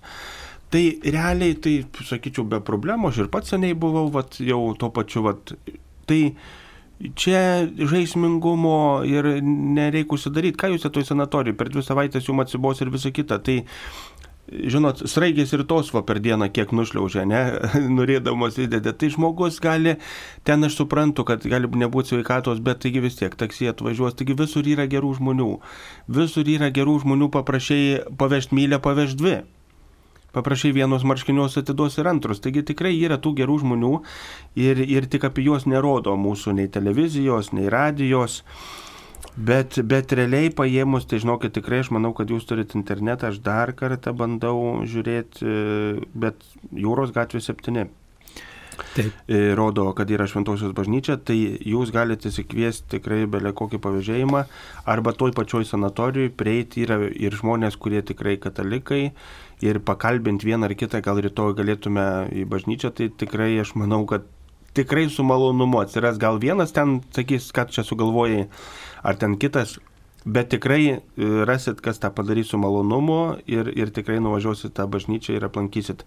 Tai va tikrai, o kaip ir minėjo, ar ten nebuvot vieną ar kitą, šis laikotarpis yra toks, kai žmonės nėra taip jau kategoriškai pareigoti, tai būsit bažnyčiui ir, ir galėsit komuniją prieiti, jeigu ne per seniausiai būti iš pažinties ir, ir neturi, tai va viskas yra nuostabu. Tiesiog viską reikia su optimistiškumu žiūrėti pasaulį. Tai Viskas yra įmanoma, mėlyje, žinau, kad viskas yra įmanoma. Jeigu ir tikrai labai norėtume, tai va, internete susirandat šventosios, šventosios vieno žodžio parapijos klebono telefono numerį, kas yra, va, tik suveda šventosios bažnyčiai, Google iš karto išmeta. Ir paskambinat, sakot, mielas klebonėlį, svarbiausia, neužmiršti pasakyti mielas klebonėlį, nes čia yra raktažodis. Vienu žodžiu, mielas klebonėlį, ar galėtumėt man atvežti šventą komuniją į Sanatorija. į sanatoriją. Nu, tikrai, aš nežinau, ten turėtų būti, nežinau, koks e, kunigas, kad sakytų ne. Aišku, kad at- atveš ir, ir dar pabus, pakalbės ir, ir, ir, ir nu, nereikia niekur prikurti baubų, visur tikrai gražiai, su šypsena, su džiaugsmu ir, ir svarbiausia pasakyti mielas klebunėlį. Taip, ačiū, mums paskambino. Algis iš Marijampolės. Taip, algi klauskite Garbėjai Jėzui Kristui. per amžius.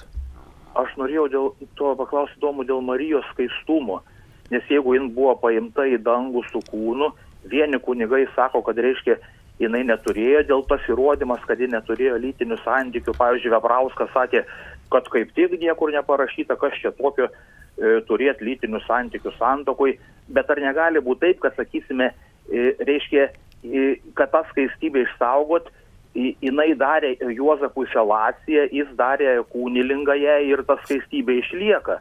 O kitas klausimas yra, va įdomu, dėl tos kaip transubstancija, kai vyksta mišių metu, reiškia, ten vynas virsta Kristaus ku- krauju, o tas e, jo duona, e, ta vadina, reiškia, to kūnu. Tai sakysim, juk jeigu nusinešti tabernakulį, sakysim, parduotuvę, ten pavaryti mišių, visas vynas, tas, sakysim, virs krauju, duona visa virs to kūnu, visi galės imtos to geryto šventovė, visi džiaugsis ir visi bus, kaip sakyti, nu įsivaizduokite, dabar bomžai ateina to vaisiuko, nusiperka, o ten Kristaus kraujas. Jau Gerai, ačiū, ačiū už klausimą, vienu žodžiu. Nežinau, kaip čia protingiau atsakyti, labai sunku atsakyti taip ne grubiai galbūt suformuotos klausimus. Žinot, visiems labai įdomu tas Marijos skaistumas. Tai skaistus, skaisti yra buvus per istoriją ne tik Ma- Marija, bet ir daug žmonių gyvena skaistume ir nei vienas nenumirė ir nei vienam dėl to neišsivystė nei, nei, nei, nei, nei lygos, nei dar kažkas. Žinot, daugelis žmonių, e, aš žinau, kai dar, sakykime, seminarijų mokėmės, čia kažkaip gydytojai kala, kad jeigu neturėsi lytinių santykių, vienu žodžiu, tai tau garantuota prostata, prostata, prostata, prostata, prostata. Tai dabar įsivaizduokit, aš jau beveik 20 metų kunigu kiek kunigų mirė, visi pragyvena iki 95 arba 100 metų ir ne vienam nežinau, kad būtų buvę prostata.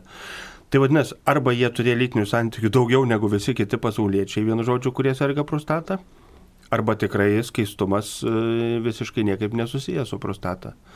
Nu tai iš tikrųjų, nu tada logiškai keli klausimą. Aš per 20 metų viskupijai nežinau, kad būtų nu- numiręs nors vienas kunigas nuo prostatos vėžio.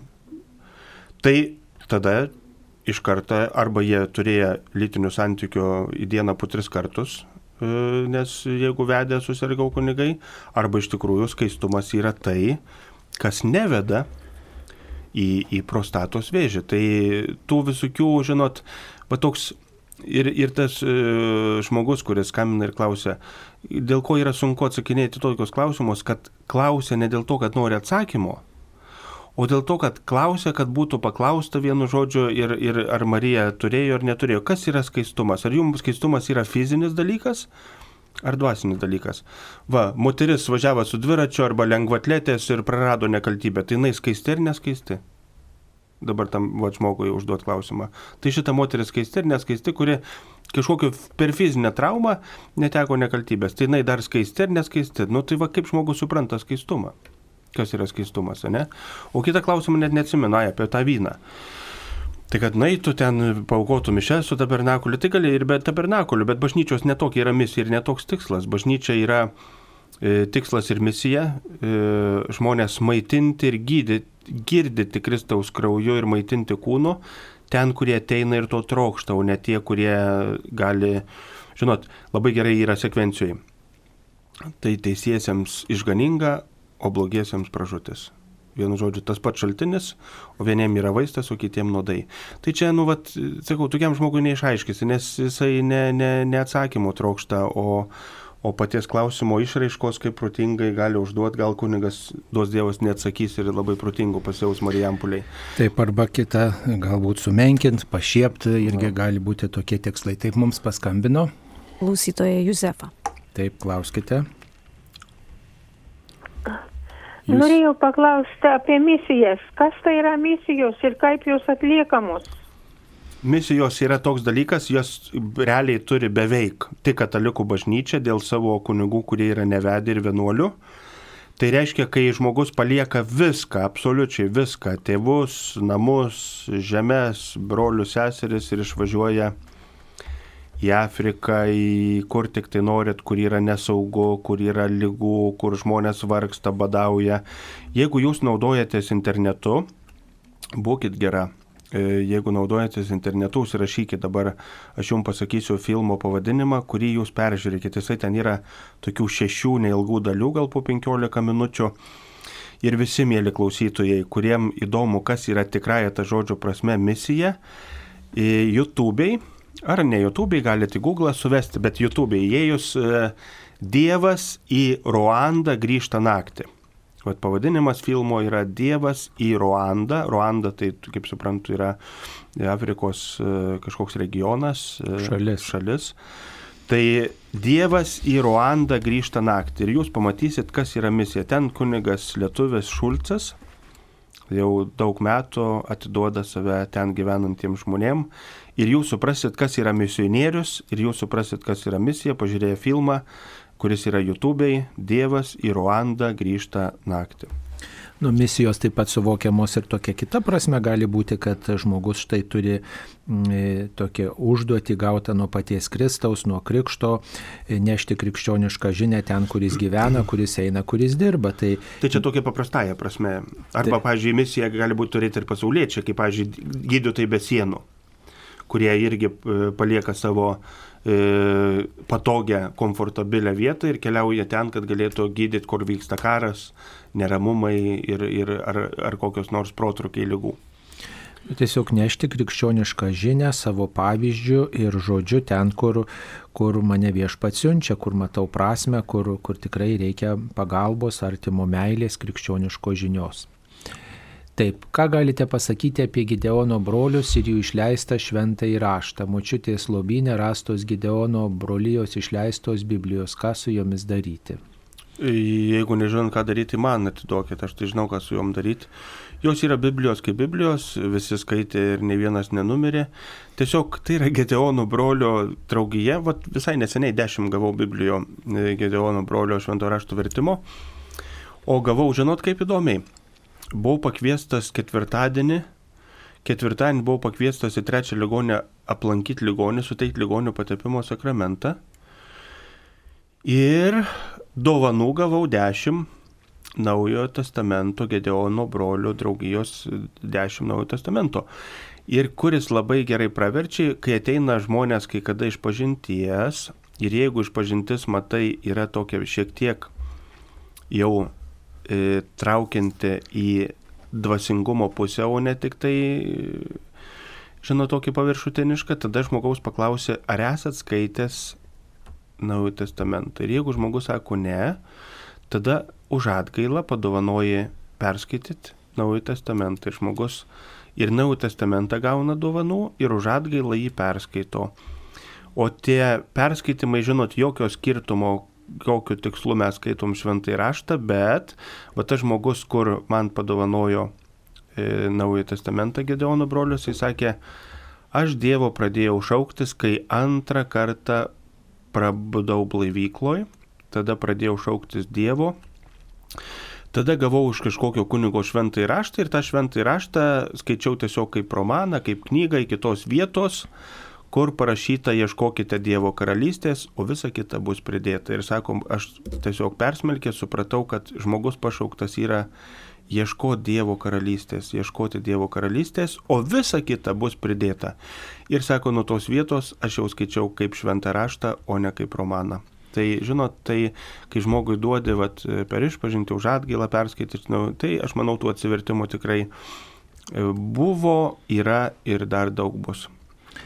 E, Gideono broliai tai yra tokia bendruomenė, kurios užduotis yra platinti šventą įraštą ligoninėse, viešbučiuose, e, mokyklose, žodžiu, įvairiose aplinkose, padėti dovanoti šventą raštą. Ir ta bendruomenė yra kilusi iš XIX amžiaus vieno e, berots verslininko kuris atvyko į viešbutį Amerikoje 20 amžiaus pradžioje, XIX pabaigoje, žodžiu, keliaudavo daug tuo laikotarpiu ir jis būdavo įpratęs, kad mm, jam vakare artimieji skaitydavo šventą raštą. Ir kartu jis norėjo, kad ta tradicija tęstųsi net ir tada, kai jisai keliaudavo.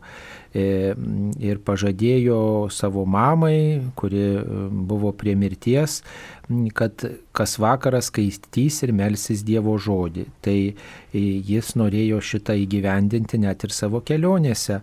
Na tai tas, tas toks jo troškimas buvo įgyvendintas jo sutikus daugiau bendraminčių, kurie štai rinko lėšas ir, ir patys būdami verslininkai platino, e, platino Dievo žodį. Ir savo, savo tą pavadinimą Gideonai paėmė iš teisėjų knygos e, kur apie tai rašoma, apie Gideoną, kuris buvo toksai, mm, taip sakant, e, drasus vyras, e, norėjo išlikti Dievo ištikimas, nuolankus, kantrus tikintis ir mm, tiesiog jiems tai buvo toks kaip pavyzdys, kad reikia Dievo valią vykdyti ir viešpatie žodį nešti.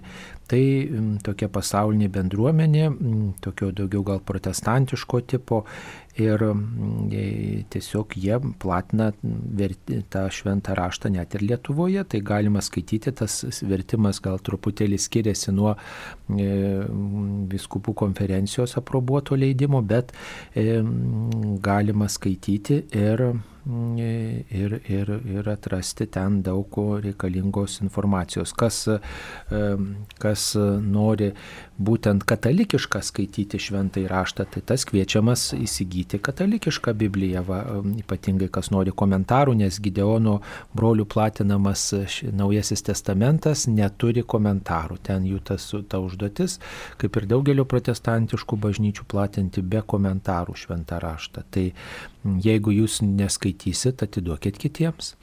Mums paskambino. Klausytojas Adolfas. Taip, Adolfai, klauskite. man labai įdomu, kodėl pravoslavų kryžiui viršui du skersiniai, apačiai įstrižai vienas. Taip.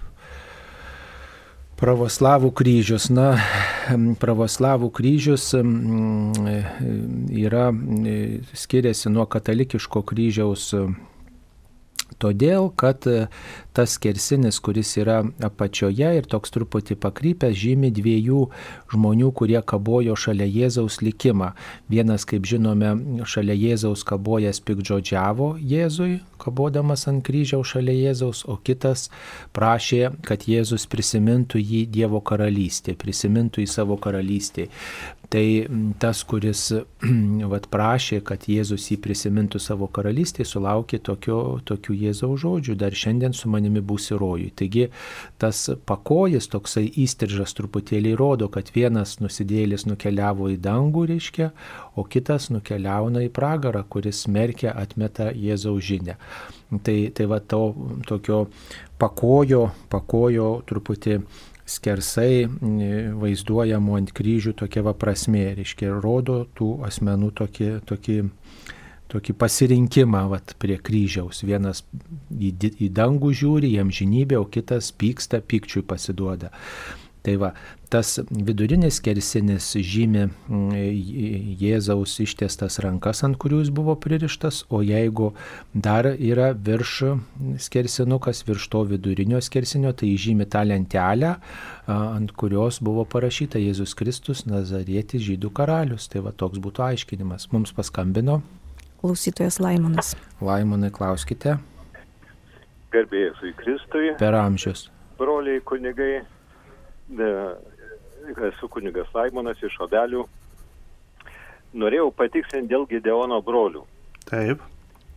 E, tai e, Gideono broliai yra nekonfesinė organizacija, tarp konfesinė, tarp tikybinė. Ir šventai raštą Lietuvoje e, platina būtent katalikiško ekumeninio leidimo. Jo, bet tas neprieštarauja, ta prasme, nei doktrinai. Ne, ne, ne. Bu- Buvo sakyta, kad e, girdėjau, kad buvo sakyta, kad kito, kitos pas, na, e, kito, kito vertimo, galbūt, kad vertimas skiriasi ir taip toliau, yra leidžiamas katalikiškas vertimas. Mm, ačiū labai, ačiū Jums. Taip. E, ačiū. Dabar toliau. Prašau papasakokite apie tatuiruotės, ar tai yra nuodėmė pasidaryti arba norėti pasidaryti tatuiruotę. Kodėl žmonės nori daryti tatuiruotės? Čia, žinot, yra labai įdomus, labai įdomus ir per tutiruotės gaila, kad e, įtariu, kad katalikų bažnyčių teologijos fakultete niekas nėra rašęs nei bakalauro, nei, nei licencijato darbo apie tutiruotės. Tas žmogaus noras kažkam save priskirti, pažymėti. Žinot, labai įdomus dalykas, jeigu paaugliai, kai būna kur nors sienoje išbraižo, čia buvau aš. Ane? Čia buvo Staska Įvicka. Čia buvau Nut ir Jurgelis, ne? Tarp kitko, mes kalbėjom su kunigais ir žinot, kur vyko Lenkijoje, turbūt Liublino unijos, e, ten tas visas susirinkimas, kažkokioj tai koplyčioj. Ir įsivaizduokit, du kunigai, buvę toj koplyčioj iš Vilkaviško viskupijos, pasakoja, ant sienos savo vardus išbražė Lietuvos bajorai. Kažkokie, nu, tipo, čia buvau aš, Vickai į, į, į, į, į Jonsą, ne? Tai va, ta žmogų kažką priskirti, pasižymėti ir visą kitą kažkaip tai yra išlikę. Aš galiu pasakyti, kad mane šiek tiek žavi krikščioniški simboliai, tutiruoti ten kryželį, sakykime, kažkur, va, kaip ant riešo, kažkokie tai... Koptai. Koptai ant riešo, žinot. E, tai, kad savi priskirti Kristui ir netgi tavo, sakykime, kad tu negalėtum to kažkaip, kas yra viduj, kad būtų ir išraiškoj. Bet kas mane labiausiai neramina, kas mane labiausiai neramina, kad žmonės, va čia turbūt gimtosios nuodėmės geriausias yra atsakymas ir pavyzdys. Žmonės ant savęs nori tatuiruoti dažniausiai, kiek aš esu pastebėjęs, tatuiruotės yra pragaro simboliai. kaukulės, kraujas, ašaros, nu ten, aišku, būna ten ir gilytės, ir, ir ten e, visa kita. Bet kažkokią knygą esu pirkęs apie tatuiruotės, paskui kažkam daviau paskaityti ir jos tikrai netidavė man. Tai tikrai kiek esu matęs tų tatuiruočių arba žmonės ten visokie japoniški, žinot, e, kur, nu, kaž... labai įdomus dalykai, kai, sakykime, tu įsitatuiruoji, tai duok dievė, jeigu tu pat žinai. Bet jeigu ten japoniškai tu esi lopas vienu žodžiu, ne, ten tie hieroglifai, nes, pavyzdžiui, iki mūsų ateina labai daug iškreiptų dalykų. Pavyzdžiui, jeigu paimti, kai žmonės galvoja, va ta reinkarnacija. Kad va, reinkarnacija ir kad čia labai gerai vienam gyvenime buvo šuniukas, kitam kačiukas, trečiam ten vėl koks tai ne. Bet, pavyzdžiui, niekas nekalba, kad praeitam gyvenime buvau keulė, pavyzdžiui, ne? Kur, kur, kur išnyka keulės, tai prasme, ka, kur, kur, kodėl niekas nesako, aš praeitam gyvenime buvau keulė, ne? kažkaip nesu girdėjęs. Visi tik kačiukai, šuniukai, arkliukai arba, arba, žinai, visokie mėly dalykai, bet o keulė ne vienas nebuvo praeitam gyvenime, nors realu, kad galėjo būti. Nu, atsiprašau. ir įsivaizduokit, ir esmė yra tame, kad ta reinkarnacija juk yra tikslas negimti, o išnykti taip, kad negimtum, įsilydyti Dieve. Ir jos visas reinkarnacijos tikslas yra negimti. Jeigu gimiai, reiškia, tu esi prakeiktas. Tavo vėl prakeikimas toliau sukasi. Iki mūsų atėjęs, kad tas gimimas kaip malonė, nors iš tikrųjų tikrajame toj religijoje tas gimimas yra prakeikimas, o malonė yra išsilydyti. Dieve ir daugiau niekada net gimti. Tai lygiai ir su tom tituiruotėm, žinot. Mes net nežinom, kokių žargonų. Čia turbūt kaip ir Helovynas žmonės taip pat ant savęs deda pragaro simbolius. Visokie velniai, raganos, vienu žodžiu, kad išgazdyt. Nu, bet jeigu gražus dalykai, gražius dalykus. Nu, per Helovyną aš nemačiau, kad žmogus ten šventuoju renktųsi, ne? Ten... Nu, bet jeigu ant savo kūno nori gėlyčių pasitatuiruoti kokiu nors piešinėliu, bažnyčią, pavyzdžiui. Seniau žmonės darželius darydavo ir rūtą sudindavo, o dabar, o dabar nori visi ant savo kūnų bijonus įsitatuiruoti, ne? Taip. Nu, tai aš, aš nežinau, ta prasme, aš nesu specialistas, aš galiu gal šiek tiek atrodyti, kad buriu, bet, bet realiai žmogus turi va tą norą, e, daugiau esu matęs tatuiruočio, kurios turi va tą tokį baisųjį atspalvį ir charakterį, negu kažką, kur ten angeliukai, žino, ten visa kita, tai labai retai tai būna daugiau yra blogio simboliai ant žmogaus tatuiruojami. Žodžiu, žmogus sukurtas pagal Dievo paveikslą ir panašumą ir jauroti žmogų kažkokį įvesti mm, kažkokius dalykus ant mūsų kūno, tai reiškia tą Dievo paveikslą paniekinti. Jo labiau, kad čia yra po oda mm, daromas tas, mm, ta, ta intervencija tokia ir, ir tam tikra tokia tarsi sandora sudaroma ir tai yra, na, mūsų kaip Dievo paveikslo uh, nuniokojimas toksai, sukilimas prieš patį Gal Dievą. nėra taip kategoriškai. Sakykime, jeigu aš noriu susitatuiruoti Jėzaus Kristaus, pavyzdžiui, atvaizdą kryžių, ne, pavyzdžiui, nu, aš ne, nemanyčiau, kad čia yra išniekinims, bet esmė yra tame, kad Turbūt iki galo tą galėtų atsakyti tie, kurie, gal Narbekovas koks nors. Mes darėm laidą, darėm laidą su įvairiais specialistais, tai nebuvo tokio, kuris specialistai, kuris tą, tą dalyką tam pritartų. Ir medikai mato tam tikrą irgi mm. intervenciją medžiagų, kurios dažnai dar ir neaišku, kokios yra, iš kur jos gaunamos ir neaiškus jų poveikis organizmui, ypač spalvotos Čia, tatuiruotės. čia kenkia. galbūt, žinot, kur šiek tiek va tas prieš Dievą, kad Dieve tu mane sukūrėjai, bet ne tiek tobulą, kaip aš save galiu padaryti tokį tobulesnį, ne? Ir tas savotiškam toks, va, kad Dievas kažko nedadarė mumyse, ne vienam ramunėliu neuždėję, kitam žvaigždutės ant nugaros, trečiam vėl kur nors žemiau bambos, žinai, kokią tai zuikė ausyčių, žinai, pritrūka ten, nu,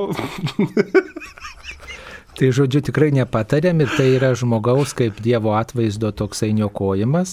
Ir be to pagalvokit, o kas bus po kiek metų, kai tai bus nebemadinga, kai tai išeis iš mados tie piešiniai ir tas no, tatuiruočių pašalinimas irgi ir sveikatai šiek tiek kenkia, švelniai tariant, ir be to brangiai labai kainuoja, po labai kiek, brangios po kiek procedūros. metų neišeis iš naudos, iš mados, bet toj vietoj, kur buvo graži tatuiruotė, bus viena didelė raukšlė. Na tai tikrai ne, nepatariam daryti tatuiruočių.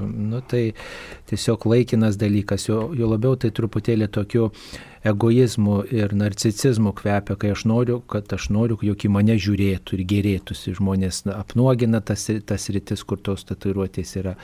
Žodžiu, čia dažnai pastebėta psichologų, kad žmogus, kuris daro tatuiruotę, jis turi kažkokių ir psichologinių iššūkių, švelniai tariant. Jis, jis trokšta dėmesio, jis trokšta tokių nepatenkinti jo lūkesčiai yra, jis, nu, jis nu, kažkas jo gyvenime yra truputį ne taip, jis kvie, nori atkreipti kitų dėmesį į save kaip asmenybę. Tai, žodžiu, čia nepritartume ir tai tikrai tai, tai ju- jums atsilieps jūsų sveikatai, jūsų, jūsų dvasiniam gyvenimui, net sakyčiau, santykių su Dievu, nors kai kurie ir krikščionys darosi tas tatuiruotės ir mūsų kraštuose ir švento rašto žodžius ten išsirašo, bet tai nu, nepalaikytinas paprotys dėl to, kad Arba galėsi tatuiruoti ant savęs banko kortelį ir pastovi atsiskaitinėti galėsi už prekes. Tai dar įmagnetinti reikia. Tai, tai nepatariam, ne to daryti. Galėsi pastovi žaisti su savo pinigais. Taip, nes pinigai toks dalykas, kuris žmogų irgi nutraukia į netinkamą sritį. Tai ne, ne, ne, e, tiesiog ne, ne, nerekomenduotume žaisti su tokia sritimi ir, ir tiesiog, na, nepasiduoti tai visuotiniai madai, kuris tarsi na, yra dabar išpopuliarėjus. Mums paskambino. Joana iš Kauno. Taip, Joana, klauskite. Sveiki, aš norėčiau paklausti, kokia yra bažnyčios pozicija į homoseksualius asmenis atliekančius tarnystės parapijose. Konkrečiai kalbu apie vienos partijos kandidatę, kuri vargonauja bažnyčiai ir rinkiminiam filmukė prisistato lesbietę, kuri neslepia savo tapatybės dalies. Taip. Kaip tik toj parapijoje, kur jinai vargonauja, mes to kunigu esam gana geri bičiuliai. Ir apie tai, nu, nekalbėjom, bet elektroninėse laiškuose apsakytėm, kad štai tu, turi. Aš manau, kad, žinot, šitą situaciją, kuri yra dabar susidariusi su šita vargoninkė, aš nemanau, kad tą turėtų įspręsti e, problemą kunigas, bet čia jau turėtų būti vyskupas. Čia lengva ant kunigo pakabyti ir ir kunigas, kaip be, be pasielgtų, gali padaryti, kad jis padarė labai blogai, žinot. Tai čia atsakomybę turi prisijimti tikrai ar visi Lietuvos viskupai, ar šiuo atveju Vilkaviškio vyskupas e, turėtų prisimti atsakomybę ir išspręsti, ar tas žmogus e, vėl Šiaip homoseksualus asmuo kaip toks jis nėra smerktinas, visi turi turėti vienodas galimybės po saulę gyventi, e, dirbti, būti, džiaugtis, bet e, tą konkrečiai propaguoti, kalbėti, kad jį galėtų susituokti ir, ir, ir šeimą, ir, ir eiti į, į valstybės valdymą dėl to, kad primtinkamus įstatymus ir panašiai. Tai čia iš tikrųjų yra dilema, Ir, ir aš, pažiūrėjau, tikrai nenorėčiau, kad tai būtų tokia problema mano parapijoje, nes ją kaip beispręsi, vis tiek bus skandalas šiuo atveju. Bet, nu, ne, neįsprendžiama be skandalo. Paliksi tokį žmogų, bus skandalas iš e, katalikų, sakykime, pusės. Jeigu atleisi, bus skandalas iš LGBT ir ten visų kitų ir, ir vėl bažnyčios ten. Ta prasme, Ir čia ne, ne, ne klebono jau turėtų būti iš tikrųjų nuoširdžiai, gali tik kleboną paukoti, viskupas gali tik paukoti kleboną ir sakytų, daryk taip ir taip, vienu žodžiu, bet jau kas, ką, ką kars ant tave, tai jau tą ir pakars, vienu žodžiu, nes čia gelbėjant e, gerą vardą, kaip sakant, e, gali paimti ir, ir, ir užgulti tą granatą, kuri turi būti vienu žodžiu, bet aš manau, kad šitą situaciją iš tikrųjų, kaip ją bespręstum, ar yra trečias variantas, mm, manau, kad e, sunkiai būtų tikėtinas. Aš visiškai suprasčiau, kad e, šita vargoninkė kuri ten eina į politiką, sakytų, aš esu homoseksuali, bet aš suprantu, kad tai yra prieš Dievo prigimti, kad žmogus gali mylėti, bet tai praktikuoti ir, ir kad vienos lyties žmonės burtųsi. Dievas sukūrė jog vyrą ir moterį ir, ir, ir pasakė, kad jodo paliks tėvą ir motiną ir glausės prie savo žmonos vyras. Tai, bet ir ne, ne tik dėl tų, nu, bet, nu, nu faktas, nu, žinot, nu, paimti visur tas pats. Nu, jeigu yra dvi razetės ir nėra kištuka, nu, nebus ir šviesos, ir ne- neveiks lygintuvas, ir negros radija Marijos, vienu žodžiu. Yra razetė turbūt kištuks, yra kištuks turbūt razetė. Nu, čia prasme jau tai yra ne tik, ką Dievas sukūrė, bet taip pačiai, kai žmogus sukūrė. Nebent kokį va, krūtkę tą laidų susuktum su- vieną su kitu ir izolaciją apviniotum. Tai Nu, faktas kaip blynas ir čia dabar išradinėti dviratį ir aišku, šiais laikais save išstatyti labai didelį pavojų. Ir tas kunigas šiuo atveju, kaip be pasielgtų, jisai tikrai turės ir vienokio atveju, ir kitokio. Bet bažnyčios pozicija yra labai paprasta. Tie žmonės yra mylėtini, gerbtini ir, ir taip toliau ir panašiai. Jeigu jie yra suprasdami savo, savo situaciją, laikosi to, kad tai yra nepraktikuotina ir tai yra ne, ne dėl to, kad pagal krikščionybę tai yra žmonija išnyktų, jeigu visi pasidarytų dabar tik tai homoseksualus, tai viskas.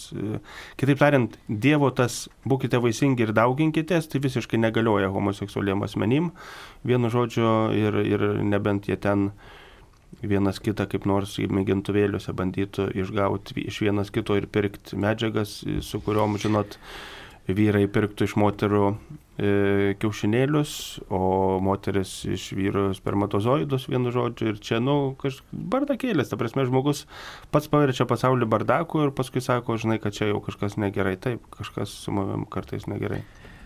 Na tai bažnyčia šitą pasirinkimą, tokią, tokį netinkamą e, gyvenimo būdą, homoseksualumą laiko vis dėlto homoseksualumo praktikavimą laiko nuodėmė. Tai į skaistumą e, pašauktas ir e, homoseksualus žmogus, ir he- heteroseksualus žmogus. Ir jeigu e, skaistumo klausimas e, svarstomas, tai jisai skirtas ir, ir tokiam, ir tokiam žmogui. Tai mylėk nusidėlį, bet nekesk nuodėmės, atmesk nuodėmę. Štai toks principas galioja. Tai taip turėtume ir laikytis. Mums paskambino. Onutė iš Vilniaus rajono. Taip, onutė, klauskite. Garbė Jėzui Kristui. Per amžius. Iš pradžių norėjau labai nuoširdžiai padėkoti kunigui Audriu Mikitiukui, taip pat ir jūs, ir jums, e, e, kunigė Sauliau, už e, šias laidas. Žinokit, po jūsų laidos man visai savaitį pagerėjo sveikata. Aš visą savaitę prisimenu ir mane toks ima juokas, man taip gera, pas jūs tiek gerumo, tiek nuoširdumo. Nežinau, čia turbūt Dievo didelė duota jums do, dovana. O dabar aš noriu paklausti. Gerbiamas audio Mikitiukai, Mikitiukai jūs kažkada sakėte, girdėjau, kad kremavi, kremacija yra nusikaltimas. Ir mano dabar artimas žmogus sukremavo, išleido per kaminą ir aš labai pergyvenu, aš labai, labai pergyvenu, kodėl reikia būti, būtinai žmonės kremuoti ir būtinai išleisti per kaminą, taip kaip anksčiau bu- buvo, buvo per karą sukremuodavo, Mhm. taip ir dabar taip žmonės daro. A- Taip aiškiai. Mm, ačiū už Jūsų klausimą. Tai aš nežinau, ar aš sakiau, kad tai yra nusikaltimas. Nu, bet tarkim, jeigu ir sakiau, tai gal ne ta prasme, kad tai yra nusikaltimas koks nors kriminalinis arba, arba dar kažkas. Šiaip katalikų bažnyčia pritarė kremavimui, pritarė kremavimui, bet aš daugiau išsakiau galbūt savo poziciją, man kremavimas tai yra nu, visiškai nesuprantamas dalykas, jeigu tam nėra priežasties. Pavyzdžiui, žmogaus kūnas gali būti rastas suiręs, e, po lygos labai iškankintas ir ten žmogus gal 30 kg besveria, ar, ar, ar kitaip po avarijos, žinot, sumaitotas, po gaisro, rastas paskendęs daug laiko išbuvęs vandenį. Yra priežasčių. Šiaip dar įeitų kremavimas, žinot, kada yra mažų vaikų ir miršta vienas iš tėvų.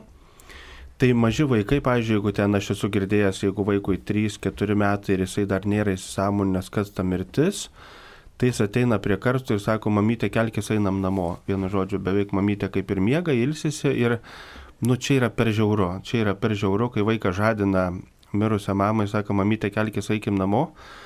tai žinai, yra tikrai, tikrai kažkaip tai virš to ir tada yra geriau, kai yra sukremuojama, tada sakoma, mytė išėjo pas devulį, debesyse, danguje gyvena, ta prasme, vaikui pagal jo supratimą, jo teologiją, vienu žodžiu, va kaip padomėlės ir javutė, na, na, nuogi lakstė po dubeliukus vienu žodžiu ir, ir visi laimingai ilgai gyveno. Tai vaikui taip ir pristatai, bet šiaip degint, dėl kelių priežasčių galiu pasakyti, dėl ko yra, pirma, tai žinot, nu, Dievas taip nesukūrė, antra, mano išganytojas nebuvo sudegintas, dėl to ir aš nenorėčiau būti sudegintas, nes Jėzus Kristus buvo palaidotas, paguldytas į kapą aš irgi norėčiau, kad mane paguldytų į kapą. Ir ne dėl prisikėlimo. Prisikėlimui, žinot, tai užteks e, bet ko. Ir, ir, ir, ir kaip, kaip, mūsų prasidėj, kaip mūsų prasidėjimui, žinot, nereikėjo didelio gabalo kažko, kad mes prasidėtume. Užteko dviejų nematomų lastelių, kad žmogus prasidėtų. Taip lygiai tas pats užteks dviejų nematomų dulkių ar vienos, kad Dievas mus prikeltų e, laikų pabaigoje. Bet realiai paėmų, žinot, tas, tas deginimas irgi yra daugiau pagunybės, e, vienu žodžiu, išraiška tos pagoniškos. Kitas dalykas, kas mane labiausiai neramina, kad tas deginimas įgauna e, tokio mados reikalą. Kažkaip tu susidegini, čia jau ir, ir elgies kažkaip tai prestižiškiau, vienu žodžiu. Ir kitas dalykas, sudeginimas yra dažniausiai aktualus žmonėms, kurie nemyli savo kūno. Nemyli savo kūno. Vat, pavyzdžiui, aš e, ir artimųjų žmonės, sakykime, kurie, vat, nu kaip aš ten gulėsiu, žinai, visi atei žiūrės, ar ten žmogaus, sakykime, svoris didelis, čia gulėsiu kaip karvė, žinai, ten žmogus pasako, kad geriau mane sunaikinkit, Ir daug yra tokių žmonių, kurie gyvena savo gyvenimus ir jiem yra problema būti viešumoje. Ir ten reikia kažkokios vestuvės, laidutuvės, tai ten jie tiesiog tragišką dieną, kai reikia pabūti tarp žmonių, nes jie gėdėjasi savo kūno, savo plaukų, savo išvaizdos, savo balso, savo akių, nu visko, ta prasme, ne. Ir tada žmogus po mirties nori, kad jį sudegintų, sunaikintų, nieks jo nematytų, tai toks. Tai va, bet realiai paėmus katalikybė leidžia Bet aš galiu pasakyti asmeniškai, aš kai kunigas laidoju urną, tai man, nu, aš ten labai sunku būna, nežinau, man tai kažkaip nelaidotuvės. Nu, labai sudėtinga iš tikrųjų ir, ir dabar, jeigu kalbant, tie sudeginimai labai pakeitė laidotuvių tradicijas. Tikrai turbūt 50 procentų, jeigu yra urna, nėra gedorių, nėra katafalka, nėra nieka, ateini į žinot, į laidimo salę, urną, ten kažkiek žmonių, kunigas čia atlieka apeigas ir kažkas iš artimųjų paima tą urną, atsisėda į savo Volkswagen Golfą arba ten kitą mašiną Audi 8, ant kelio laiko tą urną ir laidutųse vienas vienintelis kunigas ir nėra jokių tradicijų, jokių procesijų, ta prasme, nu viskas išnyko tas visas personalas laidotuvių Ir, ir tos tradicijos keičiasi, nei gėdojimo, nei viešpatės angelo atgėdojimo, nei ir tikrai yra labai, man asmeniškai labai nyku, labai nyku laidotas urnas ir, ir, ir taip kažkaip laidotuvės visiškai gauna kitą, kitą, kitą dvasę, kitą, kitą nuotaiką. Tai tikrai ta žodžio prasme nėra nusikaltimas, bet e, labai visada įdomu, kokia priežastis, nu kokia priežastis yra yra, kad būtinai sudeginti. Aš, pažiūrėjau, asmeniškai tikrai labai nenorėčiau, kad mane be priežasties, jeigu ras ten paskendusi, suirusi, tai, nu, tikiu, bet kad tai paimtų ir sudegintų, tai visi, kas girdėt, prašau prieštaraukit tam, nes, nu, kur dabar mikituką sudeginti, sąžinės reikia turėti. Paprastai e, ta kapinių tokia tvarka, neskiriamas plotas ir visa kita žmonės tarsi tampa įkaitais. Va, šiais laikais miestuose, na, kapinėse, va, štai urnai yra vietos, o, o jeigu žmogus e, nori būti palaidotas na, nesudegintas, jau tam tikri ir sunkumai su vieta. Tiesiog va tas argumentas dažnai būna. Nu, taigi ne Kinija esam, vienu žodžiu, Dievės Lietuvos laukų, tai čia tikrai užteks. Taip, bet bažnyčia visada teikia pirmenybę laidojimui kūno, kūno palaidojimui, ne, nedegint, nesudeginto žmogaus. Norėjo dar tokį klausimą užduoti žmogus atsiuntęs tokią žinutę. Ar užsiskaitys mirties metinių šventosios mišios, jeigu jos bus aukojamos mirties dienos išvakarėse? Taip, tos mišios užsiskaitys, kaip jūs sakote, galioja tos mišios, jeigu tai patogiau dėl artimųjų, dėl kunigas taip, taip vat, rekomendavo, kad tą dieną yra laisvas laikas ir tai patogu dėl įvairių priežasčių, tai mišios malda yra tinkama net ir tada, kad ir išvakarės mirties metinių yra. Taigi, kita vertus, žiūrėkit, būna ketvirtynos, ne? Tai ketvirtynos, jeigu žmogus ateina, vat, ir sako, tik dar nebus praėję 30 dienų. Mėnesis, reiškia vienas mėnesis po mirties. Vienas mėnesis po mirties tai nėra 30 dienų. Mėnesis gali būti 28 dienas, 29, 30 ir 31. Tai kitaip tariant, kai žmogus mirė, tai nereiškia, kad ten turi praeiti 30 dienų. Vienas mėnesis, o vienas mėnesis tai yra arba 28, arba 31 ir tu vieną mėnesį ap, ap, apie, kaip sakant, Sako, ne, ne, bus, e, dar nebus mėnesio, arba ten jeigu metinė, spalio pirmą mirė, ir jeigu bus uh, rugsėjo 31, ne, ne, tai jis dar nebuvo miręs. Kaip tai nebuvo? Aišku, kad miręs, vienu žodžiu, jau visi metai miręs. Tai čia žmonės kitą kartą labai juokingai paskaičiuoja tą laiką, tai Galiausiai, juk tos metinės neprivalomos čia yra tradicijos. Juk yra Lietuvoje kraštų, kur septynios dienos po mirties yra minimos 40 dienų, o ne 30 kitur pusę metų, paskui metai, tai čia kiti kasdien visą mėnesį. Taigi ten ne kalendorius nulėmė, o panašiai laiko, vat, panašiai metai, panašiai metai, vat, ir panašiai metai ir viskas, jau ten savaitė čia, savaitė čia, ar dvi savaitės čia, ar dvi savaitės čia, tai patikėkit manim čia kaip sakant, tikrai tame nevaidina kalendorinės dienos. Svarbiausia, jūs melžiatės už savo artimuosius ir suderinat kaip patogiau ir parapijoje, ir artimiesiems, ir kitiems žmonėms. Ir paskutinis klausimas šioje laidoje. Mano tikinti mama sako, kad sekmadienį po 15 val. po šventųjų mišių galima dirbti darbus, eina tvarkyti, ravėti kapų, ravėti daržų jį jau pensijinio amžiaus ir tikrai turi laiko kitą dieną tai dirbti. Aš suprantu, kad ir po 15 val. nevalia dirbti darbų sekmadienį, kuriuos galima padaryti kitą dieną. Štai toks svarstymas. Ar galima dirbti sekmadienį ir po 15 val. Šiaip jeigu žmogus sekmadienį švenčia bent iki 15 val. ir jeigu visi taip darytų, tai būtų tiesiog tobula.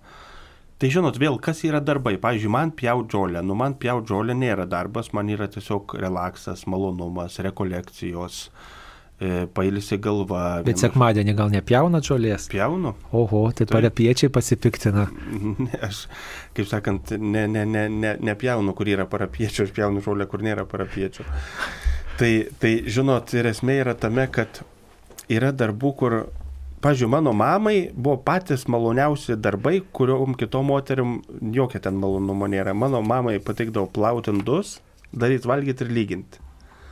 Nu, daryti valgyti gal yra moterio, kur patinka, bet kad plauti indus ir dar lyginti, sakykime, skalbinius, tai dar nesutikau tokios gaspadinės savo gyvenime. Tai va ir įsivaizduokit, kas kam darbas, kas kam polisis.